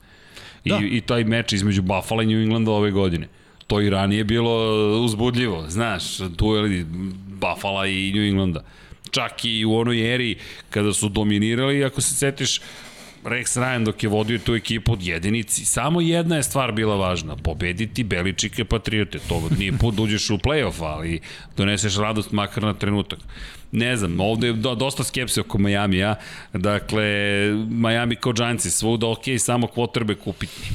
I to je taj naslov. Vreme je da to osija. I ja bih rekao bolja odbrana u odnosu na Giantsi, koja jesu dobra odbrana, ali odbrana Miami je prošle godine, sjeti se se meča protiv Chiefsa, ono, unakaži, un, una, kako se kaže to, unakaživanje, Ne, onako, U, nije ni bitno, unakazili su Patrika Mahomesa, trebalo. unakažavanje, da, Patrika Mahomesa. Sjeti se prvo polovremena, Pa da, uništenje, tri interceptiona, ja mislim da je bilo. I Ok, Ali opet su i, e, primili ma- tri, E, pa Jeste sad si došao na Opet su Seattle. primili tri. Opet četvrta četvrtina. Znaš, oni su je. na poluvremenu, opa, žurka, završili smo. Kad ono, Kad ono, igra se četiri četvrtine. igraš proti đavola koji ne spava. Pa, Patrick ali, to, ne, ali to je ono što si rekao, si, to je savršen, mislim da si dao savršen opis Sijetla. To je neumoljiva ekipa, to je kao u igrici, znaš, udavio si ga i on se digne i kaže, ma nisi završio, čekaj, imam Aha. bonusnu energiju. Pa ne, ozbiljno, ne možeš da se oslobodiš Sijetla, baš je ko stenica. Undertaker. Ba, Da, ne, baš je stenica, znaš, to stenica kad te pogodi, to ne znam, moji prijatelji imali probleme sa stenicom. Ja, imao sam jednom u životu. Čoveče, to je nemoguća misija, onda tek shvatiš zašto se kaže kao stenica. Baš je uporno, Ne, znaš, baš. baš, baš. Ali dobro, unakaživanje, kaže Ozan Prpić. Kako god, neko će nekog unakaziti. Tako je. U toj celoj priči. Idemo sa infinitivom.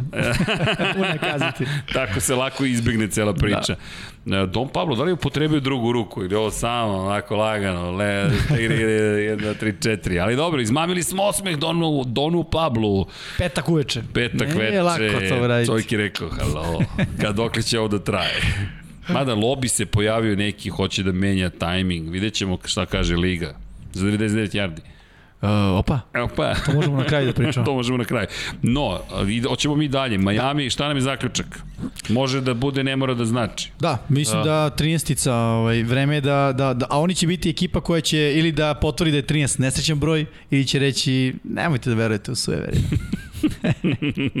ok, mi smo im dali poziciju broj 13. Idemo dalje i ne selimo se tako daleko. Idemo E, ali pa sve potpuno ekipe suprotan koje kraj. smo spomenuli. Tako sve, je. Da, mislim da je ovaj, ovaj ovde e, deo e, naše tabele Power Rankinga zapravo dosta tih ekipa koje ono može biti, ali ne mora da znači. Tako je, ali pazi, sad idemo sa juga Floride na sever države Washington, koji inače tamo na severu. Da. Idemo do Sijetla i Vancouvera. Kiša pada. Da li će padati? Kaže, da li ras ima dovoljno oko sebe? Uh, pa, Čega? kod Slobodnog kuće, prostora. kod kuće sa Sjarom i porodicom ima. Ali u Seahawksima to je stvarno pitanje svih pitanja. Baš je veliko pitanje. Yes. Russell Wilson, Chris Carson, DK Metcalf, Tyler Lockett, Freddie Swain, Gerald Everett, Nick Bellor, Dwayne Brown, Damian Lewis, Ethan Pokik, Pokik, Pokik, po, po, Ja volim da, kažem Počić, Počić, Počić. ne znam, mo, to je sad diskusija malo pre. Počić, Gabe Jackson i Brandon Shell. Ima, kako se čito imena, to nam uvek ekipe pošalju, tako da nemojte da brinete. Ispoštovat ćemo, kada govorimo o, o running backovima, čisto da spomenemo Rashad Penny, mislim da zaslužuje, dobro, Travis je to Homer i DJ Dallas. Da li nekoga još treba da spomenu? Pa verovatno ima to. Ajmo da prođemo odbranu. Aj samo da kažem kad Carlos. smo na kod trkača. Uh, Carson, da li će ikada odigrati celu sezonu? Odlično pitanje. Odličan trkač, ali Da li Ras ima dovoljno oko sebe? Da. Ja i dalje ne vidim ofenzivnu liniju tu nigde. Koja je u- uvek upitna već poslednjih Jeste. mnogo. E, ali znaš šta ja mislim? Da je to toliko postalo upitno i toliko konstantno, da više nije ni problem. Pa tako je. Znaš, to ti je, to ovo je, ovo je jeste standard, ovo je norma da. za Seattle. Niko ni ne očekuje više Tako je. drugačije. Da bude Russell zna da će da trči E, ceo vidi. život i to je to. On je najprecizniji kvotrbek iz trka. Misliš da je to slučajno? Čovjek trči non stop iza linije skriviča, izbegava sekove, razumeš, beži za život i baca te. Pretpostavljam da to tako i na treningu, jer znaš, ti moraš da vežbaš na tu preciznost. Pa moraš da vežbaš tu preciznost. To Ne- nije kao dođeš na utakmicu i samo baciš nešto Nije čim to si rođen. Da, evo to nije zamerka, normalno. što ne spominjemo specijalni tim.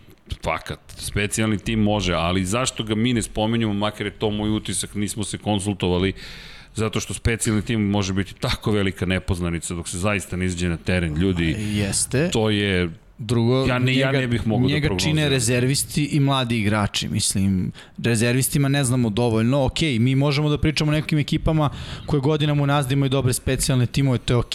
Ali, pričalo se ranije da je specijalni tim 33% igre, sada više i nije. Kick-off je sa 35 yardi, najčešće ide u end zonu, touchback, znači, znaš, to više sad se smanjuje e, na pantu, najčešće gledamo fair catch, znaš, tipa utakmici nemaš čak puno ni, ni, ni toliko vraćanja, se ide ka tome, utvrđeno je naučno da se igrači najviše povređuju na igri kick-offa, zašto? Ideš ono, 100 na sat, što se kaže, sam, samo s jednim ciljem da se sudariš sa čovekom preko puta sebe. I Da. dosta I- povreda vuči, NFL ide ka tome da, da, da prosto smanji, broj povreda. tako je, i da se smanji prosto u, udeo ali specijalnih Izvini, u ovoj ekipi smo preskočili kompletnu odbranu, što ne može da se učini. Carlos Dunlap, Puna Ford, Brian Moon, Kerry Hyder, Jordan Brooks, Bobby Wagner, Ben Burke-Irven, Arkelo Witherspoon, Jamal Adams, Quandre Diggs i DJ Reed. Nadam se da će se KJ Wright, uh, Wright vratiti. To Isto. Je, to, je, to je vrlo, vrlo, vrlo Njega važan šraf. Bobija Wagner gledam kao blizance. bukvalno. ne bih mogao da podnesem da on, neko igra u drugoj ekipi od njih, recimo. Yes. Bukvalno toliko su, ali, ali ovaj, s- s- sad ozbiljno, a, opet i ta odbrana, koliko već godina unazad je ono, ima poneka zvezda, mislim Bobby Wagner koji je uvek tu, uh, ali nije to to. Nije to više Legion Na of Boom. svakom nivou imaju po jednu zvezdu, kažemo Dunlap, uh, Wagner, Adams, ali ovo što ti kažeš, nije, gde je tim, gde su oko tih Gde je zvezda. hemija? I Ne to. Gde je taj lepak, super glu? Čak mi ni ne liči na Arizona, Arizona mi je zaista blok po blok. Ovo kao da je ekipa, ali zapravo nema, nema toga. Mm, nema tog tima koji je koji je bratski tim, to su braća, to se držite zajedno, nema, nema, nema šta, nemaš pitanje. Znaš da si krenuo na jednog njih, krenuo si na sve. Tako je, poenta e, je, odnosno podvukao bih da to je suština odbrane. Odbrana je zaista um, timski deo igre u tom smislu da baš kao što sam malo pre rekao, ako neko pogreši, odbrana ti daje prostor da ga neko ispravi. Dok u napadu individualac može doći do, do izražaja češće. Ono, glavna stvar je redko, redko ko, ko da kažem onako e, ne prati možda do detalja NFL, z- može da pobroji pet igrača ofanzivne linije, o izmenama da ne pričam. U D-line-u već znaš ko igra, jer prosto vidiš te igrače, učestvuju u blicu i sekuju i prave obaranje iza linije skrimidža. Ofanzivna linija često i kada napravi odličnu stvar, znaš, to neko očekuje da on izblokira. Ali da se sada vratim na, na celu priču odbrane, odbrane Sijetla. E, dosta toga da se da se dokaže. Slično kao i njihov napad. Ja tu ne bih pravio. Mene se neko da pita šta je bolje, napad Sijetla ili odbrana Sijetla, ja bih rekao da su Plus jednaki. novi ofenzivni koordinator. To odmah. Hajde, to ćemo vidjeti kako će da, da ispadne. Znaš, Pa da, da, će pa menja stvari, nije... ili ne menja. Znaš, to može isto da bude jedna stvar u smislu, ej, došao si, da, hvala ti, super, ali znaš, mi ovo znamo da radimo. Mm -hmm. Ajde samo da ga usavršimo, da ga radimo bolje nego što smo ga ranije radili, jer nije nam baš davalo takve, takve rezultate. Po meni Seattle će uzeti jedan korak unazad. Nažalost, mislim da u poređenju sa drugim ekipama iz divizije nisu napredovali i Arizona je meni napredovala da pogotovo Ramsey, čak i, i čak i San Francisco donekle, ali mislim da je Seattle nazadovao i da će biti najgore ekipa u diviziji. Što ne znači da neće biti play-offa, Pa, jer kad gledamo ostatak NFC-a, Ali Minnesota i Saintsi su realno ostali konkurenti za play-off. Da kažemo da ne osvoje divizije. Ne bi me uopšte šokiralo da, četiri, da sve četiri ekipe uđu u play-off sa zapada. Realno je sad sa sedam. Zato što ostatak NFC, ne znam šta da mislimo o Saintsima. istina, istina. Ne znam o, Minnesota NFC-a isto. je da. upitan, verovatno samo jedna ekipa ide kao vidiš. Ne, ne znam, to je njihovo na njihovu sreću što je tako slab, slab NFC trenutno. Inače, mislim, po meni su najslabija ekipa u diviziji. Hm, Ne znam, mislim da sam ih tako i stavljao u... Da, to nismo pomenuli. Da, ih kada je reč o izboru Sijetla ovako. Vanja, Seattle, Seattle, Seattle, 15. pozicija. Jimmy, kada već spominjamo, 20. pozicija za Seattle. Čisto, kao što je Miksa isekao Miami, Jimmy isekao Seattle. I tebi su po u diviziji posle. Pa i- jesu, znaš, ali opet na, ne, ne mogu sa, sa ono, sigurnošću ta 20. je zato što su bile ekipe između koje su mi onako neko delovale bolje u celoj uh, diviziji. Tom Pablo, 12. pozicija, Miksa 12. Ja sam ih stavio na 10. poziciju. Odmah iznad Pittsburgha, koji mi je bio 11. A, Što smešno? me, meni. Ne, vidi, Seattle mi je bio najteži, jedan od najtežih. jeste. Ja nemam pojme šta da kažem. Ni ja ne znam tu diviziju iskreno poređenja. ne znam. Pa, Meni samo delo će Ramsey biti prvi, eto. To je moje, moje viđenje te a, divizije. a da li ti je to sigurno? Pa, najsigurnije. Naj, ali, na, Od pazi, svega. najsigurnije. Znaš, to nije odgovor na pitanje. to je Hiljadu ono posto kao- možda. Hiljadu posto. I imaš još jednu stvar. Kao, a šta očekujete od San Francisco 49ersa? Pa kao, Da. da mnogo očekujemo, a da, šta očekujete? Da. I svi smo ubeđeni da je San Francisco sad ok, oporavljeni su, to je to. Ali da li je to uvek neko ali pitanje, ali pitanje. No, kako god, mi smo Seattle stavili na njihovo mesto. 12. igrač, zna se njihov stadion, Da. pa eto, možda Da, to prikladno da bude poređenje. 12. Dobro. Ja kažem, meni su oni i, i napad i odbrana, ah, ono, sredina, ne mogu sad neko da mi pita šta je jači deo tima, napad Znam, ili odbrana. Jimmy, ali evo ti pitanje, da li Ras ima dovoljno oko sebe? Mi se dalje vrtimo oko jednog pitanja već 10 godina. Oni Pa, su Zna ljudi- zašto? Sve se u Sjetlu menja, samo je Russell Wilson Pa da, konstantan. ali, ali vidi, oni ljudi, oni su bili u, u dva Superbola za redom. I, i, i Tad su imali to je to, ozbiljne timove. 48-49. Mi idemo ka Superbolu 56. 8 godina ljudi prođe. Tako je. Jeste. 8 godina prođe od kada su oni bili ta moć. Sad će 10 godina od osvojene titule. Pa samo sklonimo uh, uh, Rasela iz Sjetla. Oni automatski postaju jedna od najgorih ekipa. Pa da li, šta su radili u play-offu? Inače, i kad uđu u play-off. Odmah ispadnu. Jer Ma, ali to to, je- se to se vidi, to tim je potreban kod tebe. To, E, to je najbolje. Tu, tako je, ali tu je već druga igra. Tu nema više, sad ću, ja to, sad ću ja da ti sredim, sad ću ja da bacim neko čudo, sad ću ja da nađem Ne, daj ne. neki, sad ću ja da istrčim, sad ću ja... Nema. Nema, ti sad tu dolaziš do sistema, dolaziš do ekipa koje su se spremile, a tvoj tim se nije spremio, ti si ga dovukao dotle. Bukvalno si ga dovukao i onda se opet vraćamo na to ima li Russell dovoljno ljudi oko sebe.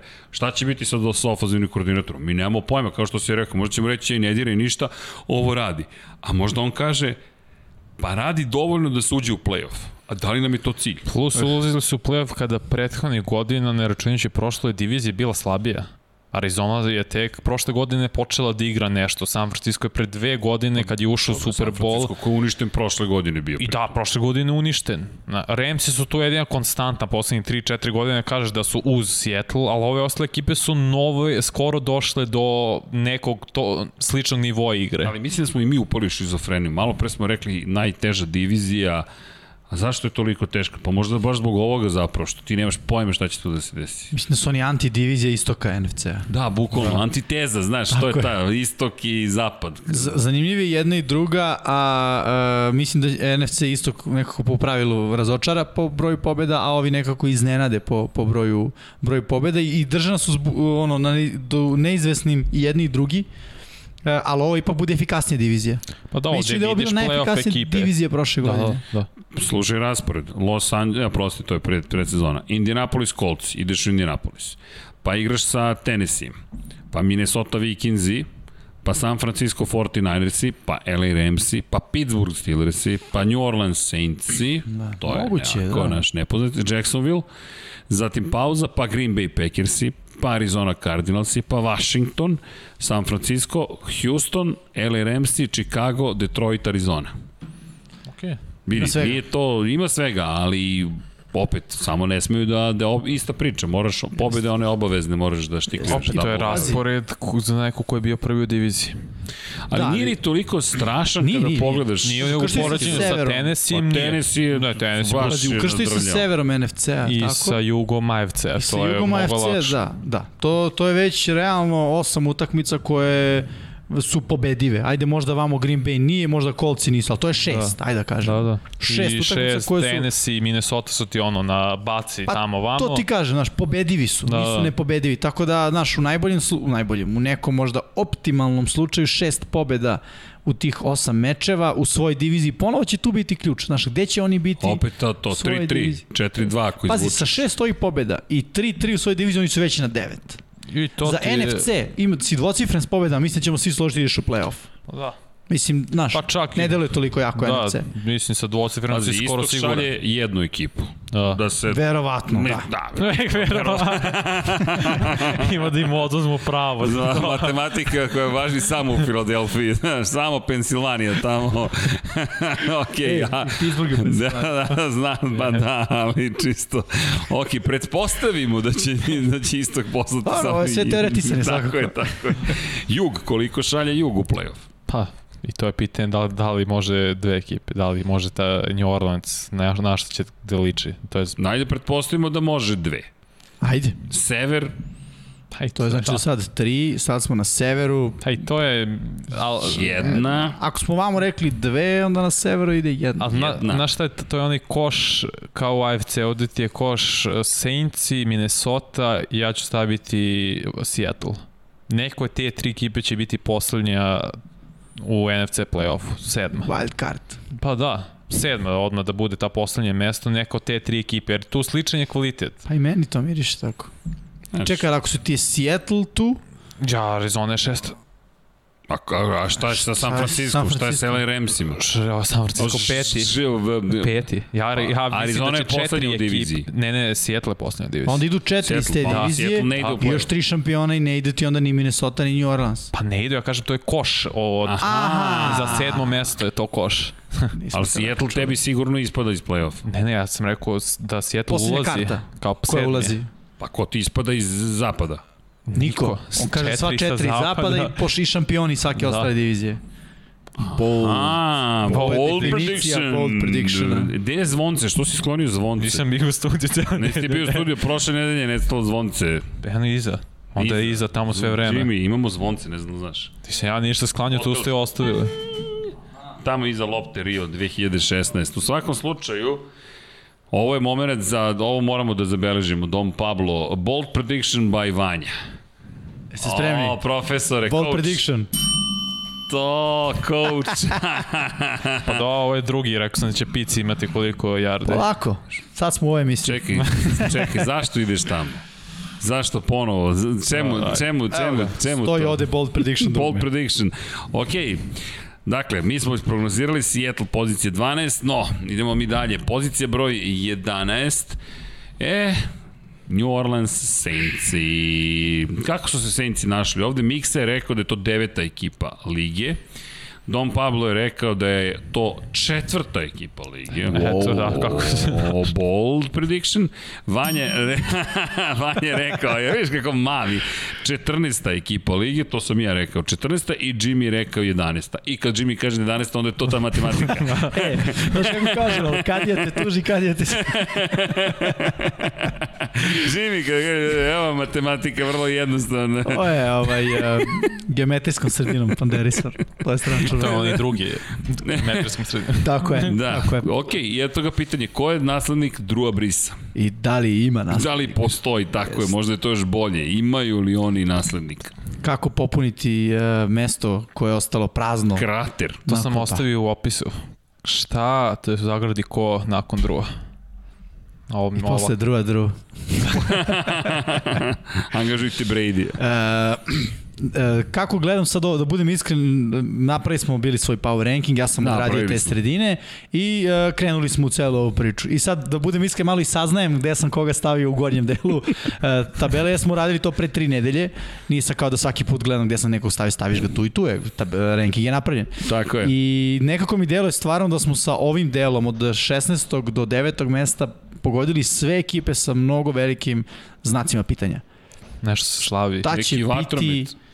Pa Drew Brees. Navijači New Orleans Ne, Saints. slavi se ovo što smo to toliko tačno zapravo napravili od 16 do 9 da vidiš da odmah je New. Orleans, ljudi, ovde možemo tako da padnemo svi Marty zajedno. Grover. Jeste. Pazi, ovo može da bude jedno od najgorih, najprije prijatnih, nije čak ni iznenađenja, ali ekipa koja može doživi baš onako, Vidi, ako gledamo da istoriju, moglo i pad. A ono, moramo da uzmemo i to, ono, zvezdica, performanse u istoriji nisu dobar pokazatelj kako će se nešto, šta će se dešavati u budućnosti, ali a, James Winston, šta se sve dešavalo od, uh, he, od Gospodin 30-30.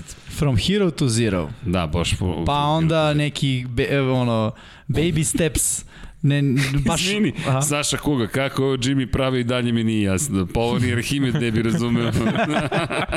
Pa pomnožite sve naše pozicije, izvučite peti koren iz toga i dobit ćete gde, gde treba se... Mislim to stvarno neko uradi. Kaže, aha, Treba da uradi, zašto sam to ja uradio, neko uradi, malo ček ljudi slobodno. eto. Sve ove naše, sve ove naše pozicije. Ali da se vratimo na, na, na Saintse.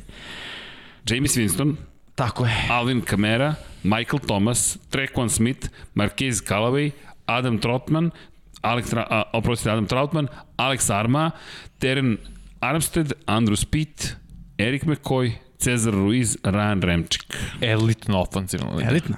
Elitno, možda i najbolje. Vidi, Ljudi. to je kao kada daš pijanici da vozi elitni auto. Oh, Pazi.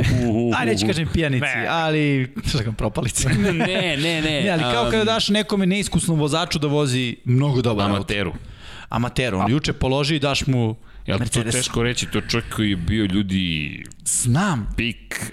ali vidi, Numer uno. bio, Da. bio, Čekaj, on... kraj. Da, Radio. On i Marcus Mariota. Ajde da citiram čoveka čije Plus ime ne Kvam smemo... Perfect. Da, ali da kažem, da citiram čoveka ko, čije ime ne smemo da izgovaramo zašto nas košta pivo. E, baš me briga koji si pik na draftu. Ovdje si da se dokažeš. I to Da, je da, da. najtačnije od svega. Znaš, on Jeste. je bio 199. Uh, Jamarcus Russell je bio broj 1. Dva. Broj 2, ok. I šta ćemo sad? Šta ćemo sa svim ljudima koji su bili pik broj 1 i koji su sad šta? Pazi, ta sezona... Iz, izvini, samo da dodamo još jednu stvar. Cameron Jordan. Malcolm. Roach. Elitna odbrana. Elitna odbrana. Znači, pored elitnog auta, dao si mu i elitni stan. David, on je, me, on je mata. Marcus Davenport, Demario Davis, Pete Werner, Zach Baum, CJ Gardner Johnson, Malcolm Jenkins, Marcus Williams, Marshawn Latimore. O da. Pa u odbranu Pa, James i, Winstona, I ko ti je trener? Sean Payton.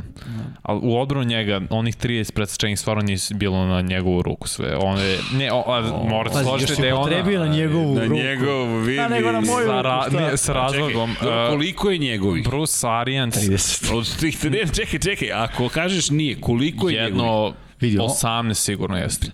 Ne, ne, Čekaj, je- da li ti je to pik broj nije- 1? Ne, naravno da nije, nego malo da umanjim štetu njegovu. Bruce Arians, to je njegova filozofija, baca i duboko, skoro svaki put, ako možeš ti baci i po šta bude, bude. To je tako i sa Big Benom bilo i sa Bradyjem na početku prošle godine na kraju to Brady promenio kao ne, ne, ne, ne, nećemo taj film da gledamo i igraćemo ovako. Ali da li vidiš, da li si da... A Sean Payton je drugačije. A da li vidite trend? Imamo light motiv emisije. Sve je tu osim quarterbacka. I s izuzetkom Sijetla. Ništa nije tu mm. osim quarterbacka. I Arizona. Pa dobro, da, ajde, okej, Pa, slažem se. Ajde. Znaš, rešeno je, zna se ko je njima. Ko Pa je. Ne, je, ne, ali, ali u kontekstu toga šta ti nedostaje. Kad pogledaš ekipu, pogledaš Giants, šta smo za Giants rekli? Jeste, Kube, da. Kube. Danny Dimes, o, pa da. Nicholson Dobro, kraj. Tennessee-u... Tennessee- Pa dobro, ajde, da, da, ne. jeste. Možda malo da se poveća ta igra kroz vazduh, da bude efikasnije. Razumeš, stalno se vraćamo na tu priču. Pogledaj New Orleans, pogledajte E, ljudi ali zato ekipu. su, zato su ovo ekipe, ono može biti a i ne mora. Da. Zato što upravo, znaš, fali jedna velika, velika... A na koga vam to liči? Meni na Tampu od pre dve godine. Sve je tu, Meni ne. ali I nema. Mislim da je zato sad jače su- te tampe pre dve Pa, godine. pa, ali pazi, zar ti to nije surovo u celoj priči? Nedostaje ti... Iskusnije su Kube. ekipa i mislim da im je ovo, da im njima prozor zatvoren, da je Tampi tek tad se ot, otvorio prozor da njima neće, jer su u odbrani stari igrači kao Zamisli ovu ekipu, izvini, sa nekim koji je dobar. Pa dodaj i Rodgersa tu, to ti. Kažeš Rodgersa s Rodgersom, možda zamisliš i od ove ekipe trećine da nema menja bio se opet ozbiljan. power ranking Yes. instant. Jest. A, veliki znak pitanja. I se slažem sa onim što je Vanja rekao. A, Sean Payton jeste drugačiji trener, međutim on takođe zna i da prekomplikuje. Da prekomplikuje što ja mislim pokazao ne samo prošle godine, već i godinama unazad i ono što mene isto plaši to je ta rekao bih mentalna barijera da se velike utakmice u play-offu pobede od strane Saintsa. I mislim da je to bilo kombinacija Sean Payton, Drew Brees. E sad, da li zajedno, da li samo jedan, Ja Vidjet mislim ćemo sada kada više nisu da duo. si savršeno opisao situaciju. To je, imam utisak da Sean Payton više voli da se dobro zabavi, izvede trik akciju nego da pobedi. Kao da je, haha, kako sam vas nadigrao. Čekaj, jesi pobedio? To je ono što se na kraju Dobro, me, sad meri. nema ni tog tereta za Super Bowl. Kad je otišao Pa znam baš, Drew, na, u gra, ja mislim bar da u gradu sad nema taj teret. A nije pitanje grada, zamisli da si Sean Payton ili da si neki od tih trenera koji su tamo. Ti si stvorio čovječe ekipu koja je stvorio tamo. New England prošle godine nije imao taj, taj teret Super Bowl, tako? Ali je počelo sa, kako beš, 3-0 ili 2 ili 2-1, 2:1. pa Seattle onaj. Ali Seattle za, za malo. Za malo. E pa taj Seattle možda okrenuo bilo- sezonu. Da, Da su tu pobedili. Hmm. I onda je odjednom bilo, e, bit će ovo dobra sezona. Misliš da će neće New Orleans tako desiti? Kakav je raspored? Kako počinje? Green Bay Packers. Dobro, neće. Ali ovako, Rodgers ne bude bio tu, desit će se. Vidi, ali odmah kreće u pazi, glavu. Posle treće nedelje možda budu 2 Dobro, Carolina Panthers. Dobro, okej. okej. A. New England Patriots. E pa, ideš. Eto, taj New England. Ta, ta, To je trenutak kad se lomi. I sad idu dve utakmice gde moraš. New York Giants i Washington futbolski tim. Pa ništa, Ali ne moraš. Moraš, to ko ti nije zagarantovao. Jer ti te odbrane su ozbiljne. I onda imaš pauzu, odma. Rano. Seattle Seahawksi su sledeći. Pa Tampa Bay Buccaneersi. E, Pa- pa, znaš zašto možda nije rano, Vanja? Možda nije rano, jer će možda do te šeste nedelje da bude već e, jasno da li je Winston odgovor ili nije odgovor. Znaš, morat će ta već da bude, ne znam, Tyson Hill ili... Dobro, ali Tyson Hill, oni već imaju poseban game plan za njega kad je on Ali to je quarterback. problem, Vanja, znaš, to je problem, Znaš da, zato je, što... da mi- mijenjanje njima game plana. Kako nije? Pa igrali su protiv Filadelfije prošle godine kad niko nije očekivao i Fila je pobedila. Nije i Fila pobedila zato što ne znam šta, nego zato što su ovi ljudi u nedelju dana prilag... menjali svoj playbook. Ja, da li ti utisak su da, da, da, da je da je Teddy Bridgewater u ovoj ekipi, kakav god da je Teddy Najbolje rešenje. ja mislim da bi bio dobro rešenje, jer on ti je Jeste. kvalitetan quarterback. Jeste, Srki, ali opet su ono što smo rekli za Teddy bio limit koji postoji. Ili znaš, postoji A limit. Saints su ekipa čiji je limit Super Bowl. Ali, znaš, a Teddy A, e, ali da li je ove godine kako? Super Bowl limit? Ja, ja verujem da je playoff ovde kao cilj, ok, došli sam playoffa super, Jo, ja- zadovoljni. Ne znam, ne, bi, Jer ne bih se... realno Da li imaš da šampiona, ima tu ambiciju? pa onda ne živi u realnosti. A ko živi, niko u ne realnosti? živi u realnosti. Niko ne živi, Mislim da Vanja. su A ti živiš u realnosti kada dosta. kažeš sebi biću tamo i tamo. To je tvoja realnost, Nije, ti je okej, stvaraš. ne, svako ima svoju realnost, to se apsolutno Ne, ne, ali ako ono, shoot for the moon, ako ideš, ono, mm. Ima šampiona u svojoj diviziji. Ma oni su tog šampiona pobedili dva puta Jesu u regularnom delu posle su sezone. bili osramoćeni u play-offu. Jeste, sve okej, okay, ali opet vidi, ne, ne zaboravljaju se ni te utakmice, opet možda će šampion da kaže nismo ni mi zaboravili, da. ali možda će šampion da kaže we just don't care, mi hoćemo prsteni, to je to. Jeste. Znaš, fokus zna se gde je, na, na, na januaru i februaru, ali mi, mi New Orleans ne poznajemo, znaš, mi ne, ne poznajemo. i sad opet to što je Jimmy rekao, a šta ako, samo, samo za, za Tedija Bija, da ne zaboravim, ova ekipa koja mislim da Teddy bije, koliki god da mu je limit, sa ovom ekipom može da ode Može. iznad. A James Winston ovu istu ekipu može ovako da iseče ko sir. Jer šta god ti učinio, ako James... Znaš šta je tu još jedan problem? Balja, balja tako vidim, što, znaš, zamisli počnu sa 1-3. Znaš, da li je James taj lik u slačionici Koji te vadi više? iz cijele priče. Tako, je, da li će, da li će saigrači biti u fazonu, ma bit će to bre dobro, ispeglaćemo mi to do kraja sezona. Znaš, nego će pogledati i biti u fazonu, ovo je James Mod. Znaš, još ako baci tri intersepcije, četiri za tri utakmice, znaš, šta je prva stvar koja, se, ko, koja će da plaši svakog veterana? Dokle će da ih baca? Koliko Okej, će biti? ali- Da li je ovo ona sezona sa 30? Ja samo mislim da neće James da bude to l- a neću kažem lice franšize, ali To neće glas u slačionici. To je Cameron Jordan. Oni će njega da slušaju. Dobro, to je to okay, ali vidi, kad si 1-3, ne pitaš Cameron Jordana kako ćemo dođemo do 5-3, nego se okrećeš ka napadu, jer verovatno, ja sumnjam da će oni gubiti utakmice 45-42. Znaš, mislim da će gubiti utakmice sa manje postignutih To poena. pa okej, sve to legitimno, to ćemo vidjeti. Ja i dalje mislim da Saintsi nisu playoff tim, jer da, i je tu Bridgewater, roster pre dve godine je meni bolji nego što je ovaj sad. I, ali vidi, Kompletni. ljudi, Koliko ajmo- god je sad odličan, Dobro, to je bio vrlo dobro, neću kažem odličan. Oni prošle pre dve godine su bili spremni da osvoje Super Bowl i bili su glavni favorit. A bili spremni, ali... Znaš kako, postoji jedan veliki problem i koliko god ove prethodnih nekoliko sezona sa, nisu bile uspešne za Saintse. Ajmo da se malo vratimo u Rikverc.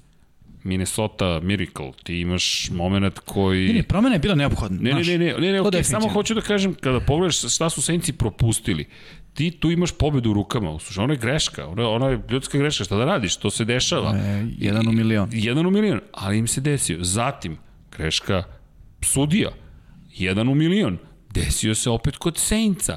Da, Drew Brees je podbacio protiv Minnesota naredne godine, što se mi tiče ono moja najgora utakmica, ja mislim, u karijeri Sramotno. pro, sramotno prodao ekipu i tu počinje sada već ozbiljni problemi počinju da nastupaju. Naredne godine o, sa Tampom poraz koji, ja mislim da su oni se previše opustili, su rekli, malo je Tampa, to smo dva puta dobili, ovo ćemo Jesu. lako. To je utisak. E sad, gde je problem za mene za Winstona u poređenju sa Brisom? Bris i Winston su neuperedivi. Nije to pitanje samo ruke. Super, imaš ruku, imaš top, možda izbaciš tamo na 70 yardi. Super, sjajan. Možda si čak i precizan, ali ljudi setite se šta je Bris znao da baci, pogotovo sa Tomasom ta konekcija kako je funkcionisala. Ja ne vidim Jamisa koji to može da uradi što je Brice radio. Ne vidim nikoga trenutno da može to da uradi kod njih, da tak tako uđe u sistem. Ni Teddy B nije tako igrao. I sad Teddy B imao pet utakmica za redom u kojima je pobedio, ali znaš kako, to je pet utakmica. Šta bi bilo da su nastavili? Da li Teddy B čitaš? Kažem, mislim da bi bio najbolje rešenje za njih, ne nužno za Super Bowl, ali Winston da zameri Brisa po toj vrsti preciznosti u ključnim momentima da ti nađe tu rupu dole. Winston je topđija. Zašto je bum, razumeš? Pa jeste, ljudi, jer budimo realni, pa kad Pazi, čekaj. koliko je, do, ko, koliko je dobro igrao Brice prošle godine i pre Sad dve sam godine. činio, da. vidi. Ali vidi, Re, realno igrao loše. Top G, Winston je top G. da vidi, zavija za Arsenal čovek. Šta, ja sam bio artiljeri, ne razumem.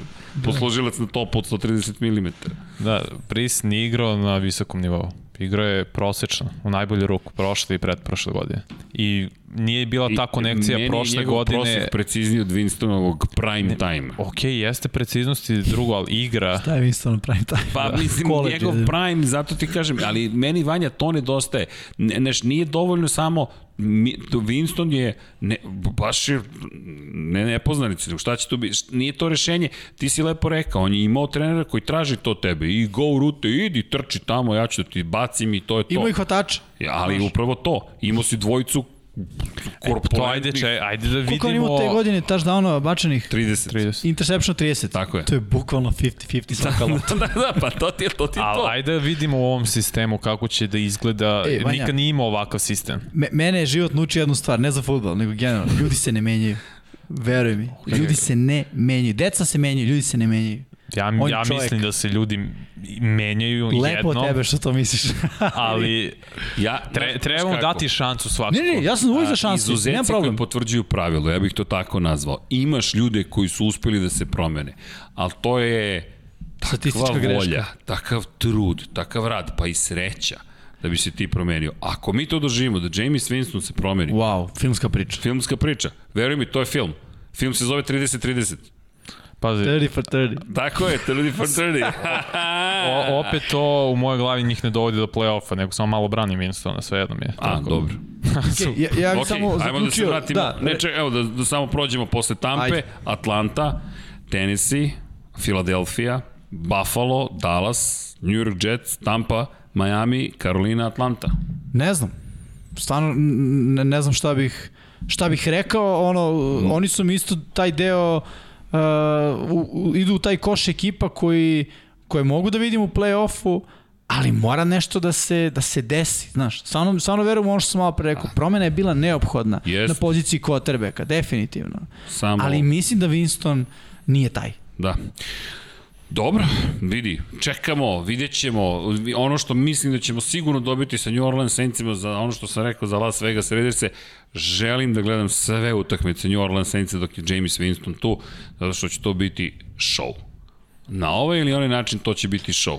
Znaš ko bi je ovo da je zamenio? Bruno Brisa? Fitzpatrick. Uuu.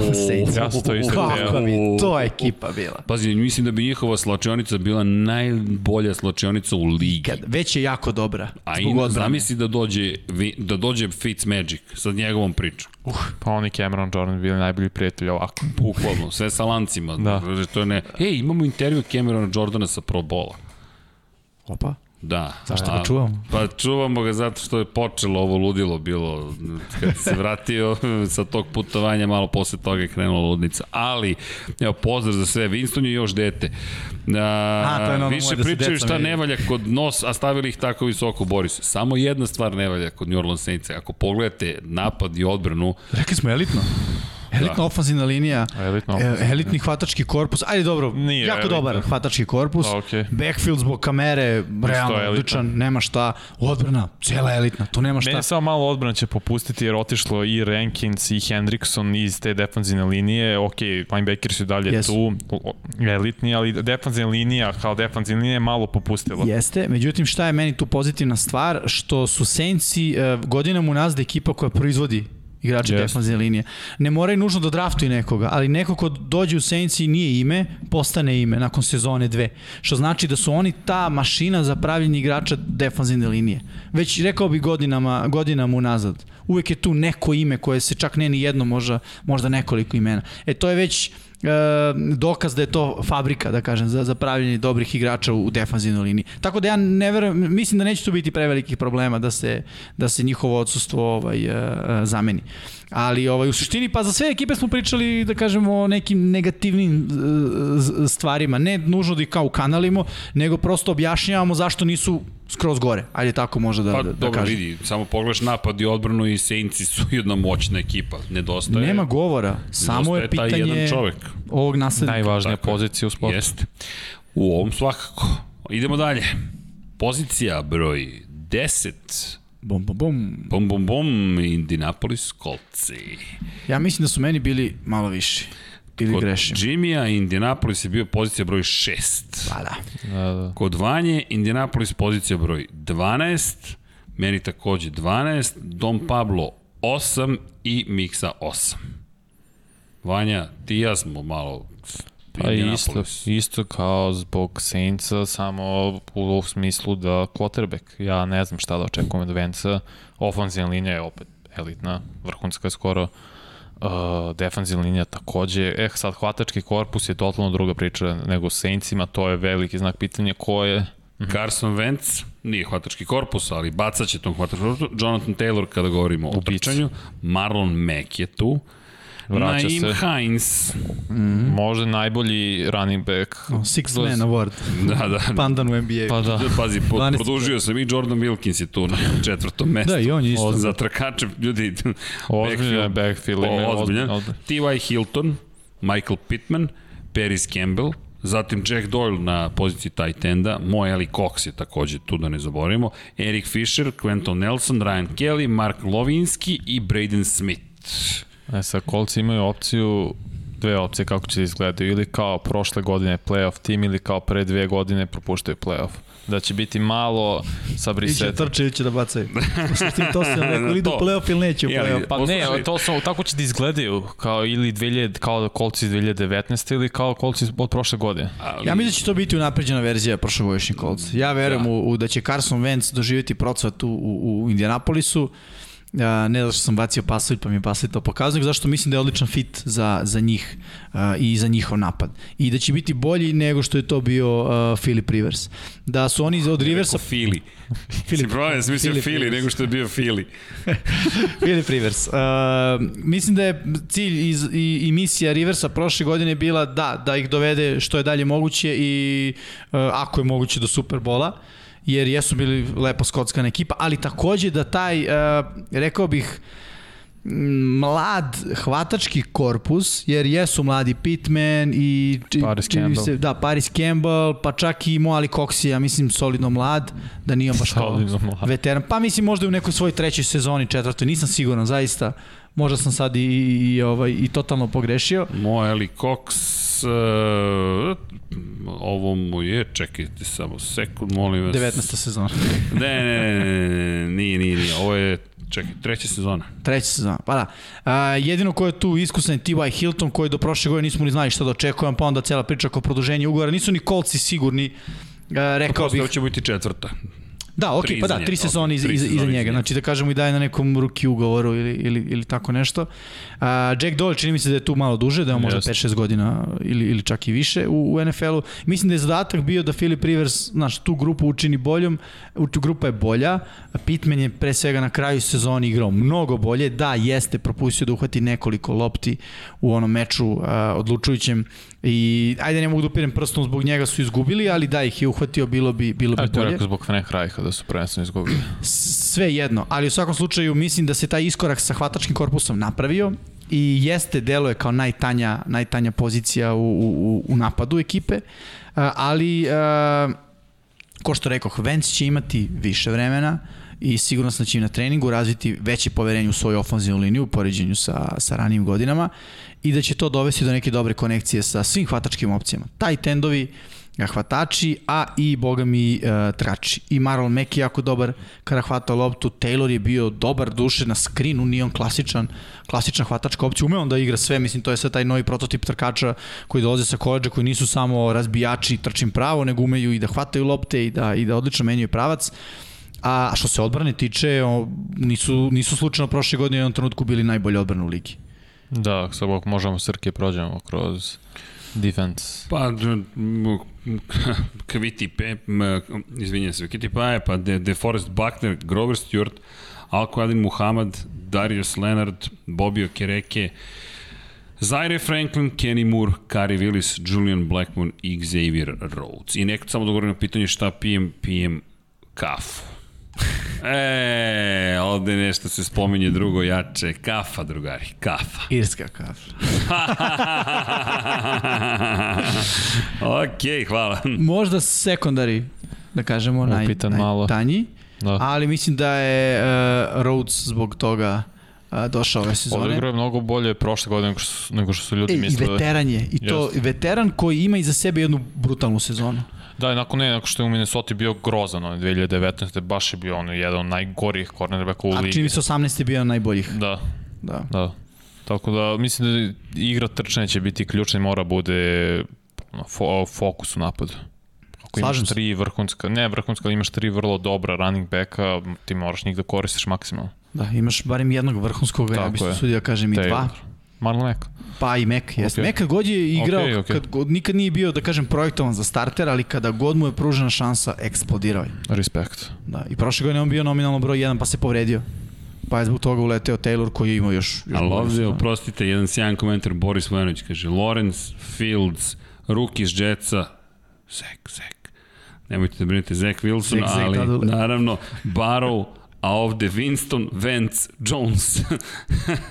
pa, Sve zna, znaci pitanja. Pa da, da, ali to vam je sad, eto, opet, koliko je dobro izbalansirala Liga celu priču. Oni koji su skupili moćne timove, oni nemaju quarterbackove. S druge strane, ti si angažao sad novog quarterbacka da bi stvorio moćan tim, dok stvoriš moćni tim, ovaj quarterback je ili dole ili je gore, ali je toliko skup da ne možeš onda da formiraš ovu da ekipu. su svi dole oko njega. E, tako je, i onda to, ti, to isto u Sijetlu, zašto nema nikog oko Rasela? Pa, Raselova plata je tamo... Kao temperatura u ta- avgustu, a je. plate ovih decembra. A plate ovih kao momci, sorry, ali ja sam ovde zvezda, znaš, imam titulu i lagano. I onda opet dolazi ta čuvena anomalija Brady, kojeg neki pokušavaju da isprate i možda će uspeti u tome, ali činjenica je da je ta super izbalansirana liga. Jest. I onda mi sada, ovde su, ovde su pre svega timovi kada pogledaš, opet ne znamo šta će biti s Vencom, opet ogromna nepoznanica, opet to, to se kladiš da će to biti onaj bolji Carson Wentz, koga smo imali prilike da gledamo, ne ona lošija verzija, ali nemaš pojma. Da, s tim da meni deluje da će biti, ko što rekoh, pre svega zbog ofanzivne linije, iza, uh, iza ove ofanzivne linije on će, on će ovaj, uh, siguran sam pružati bolje partije, jer će imati više vremena. Pazi, I oslobodit će se tog nekog straha koji je bio prisutan, čini mi se, nakon povrede prednjih ukašnih ligamenta. Pa jeste i ono, realno su u diviziji kolci ubedljivo najkompletnije ekipe. Jeste. To Jeste. stvarno ne, nije ni blizu. Ne vidim zašto ne bi bili broj 1 u svojoj diviziji, stvarno Da. to bi baš bilo iznenađenje. Ko će da ih ugrozi? Tennessee smo apsolvirali, Jacksonville, zaista Houston, Houston ljudi, niko ni- se ni ne bavi više Houstonom. Houston je bukvalno kao da tim ne postoji, to je toliko tragično. JJ Watt je pobegao ljudi dan. On je pobegao, budimo realni, on je pobegao čovek jer je shvatio da taj tim više ne postoji. A, nije jedina zvezda koja beže iz Houstona kao grada, to je koja je pobegao generalno. Pa da, ali znaš, to je bio, ovo sada što se sve desilo zajedno je potpuna, to je implozija jednog tima koji je do pre par godina ulazio u play-off i imao tu ideju možda možemo i da odemo korak dalje od, od prvog kola u play-offu, ti sad si doživio imploziju, kao da ne postoja, a to je isti tim koji je na polu vremenu provodio protiv Kansas City Chiefs. Pre dve godine. pre dve da. godine. Kada su osvojili titulu Chiefsi, Houston je bio taj koji izgledao odlično. Presečena dodavanja, pod poeni, prednost, svašta se tu zbivalo. Sa u Houston sada bunar, 32. pozicija. Koliko brzo stvari se raspletu. A da se vratimo na kolce, deluje mi da uzimaju tu diviziju, tu se negde svi slažemo, što opet je ulazak u play-off. Ali iz moje Jeste. perspektive, to je to. Uf, ne znam. Mislim Pa, da grešite. Sve zavisi. Ja mislim da će zavisi, to biti to. Ok, ako gledamo... Mada domaćini su. Pa da, prva runda će Jer biti domaćini. domaćini. Četvrti na koga će da idu, to je pitanje da li će da idu na Patriota ili na Baltimore kao peti, na primer. Nije mi se mnogo teško svakako. Misliš da će biti pa, četvrti? Da, neće biti bolji ni od uh, Buffalo, ni od Billsa, ni, ni od Buffalo, ni od Clevelanda. Chiefsa, ni od Clevelanda. Cleveland je po meni Super Bowl ekipa. Tako im je roster sklopljen. Ali da li će biti više pobeda? Pa mislim da je na to manje mislio kad je rekao da, Da. da će biti bolji. Da će Ali- imati manje pobjeda od ali- njih, Od koga? od ove tri ekipe, koji će biti nominalno u, u po Ali vanju da li će imati šampioni. manje pobjeda od Clevelanda? Da, Raspored, dajmo da bacimo pogled na Ajde. raspored za Indianapolis. Seattle prva utakmica. Odmah test. Mislim, Odmah. to je po meni ono, ako njih ne dobiješ, imaćeš celu sezonu gore-dole. Los Angeles Rams. Test, Da, bolje, bolje im išlo sa Seattle. Tennessee Titans. pobed. to mora se pobedi ako će budu šampioni divizije. A divizija. Miami ti je sledeći. Da. Nezgodno. Mislim, težak raspored. Baltimore. Da, Nezgodno. da, Zatim lakše. stiže Houston. Ok, to je Da. pobjeda. San Francisco 49ersi. Pa Tennessee Titansi, Mm. ponovo. Pa Jetsi, ok, to moraš da dobiješ. Jacksonville, Pa i to Moraš. šta god moraš da dobiješ.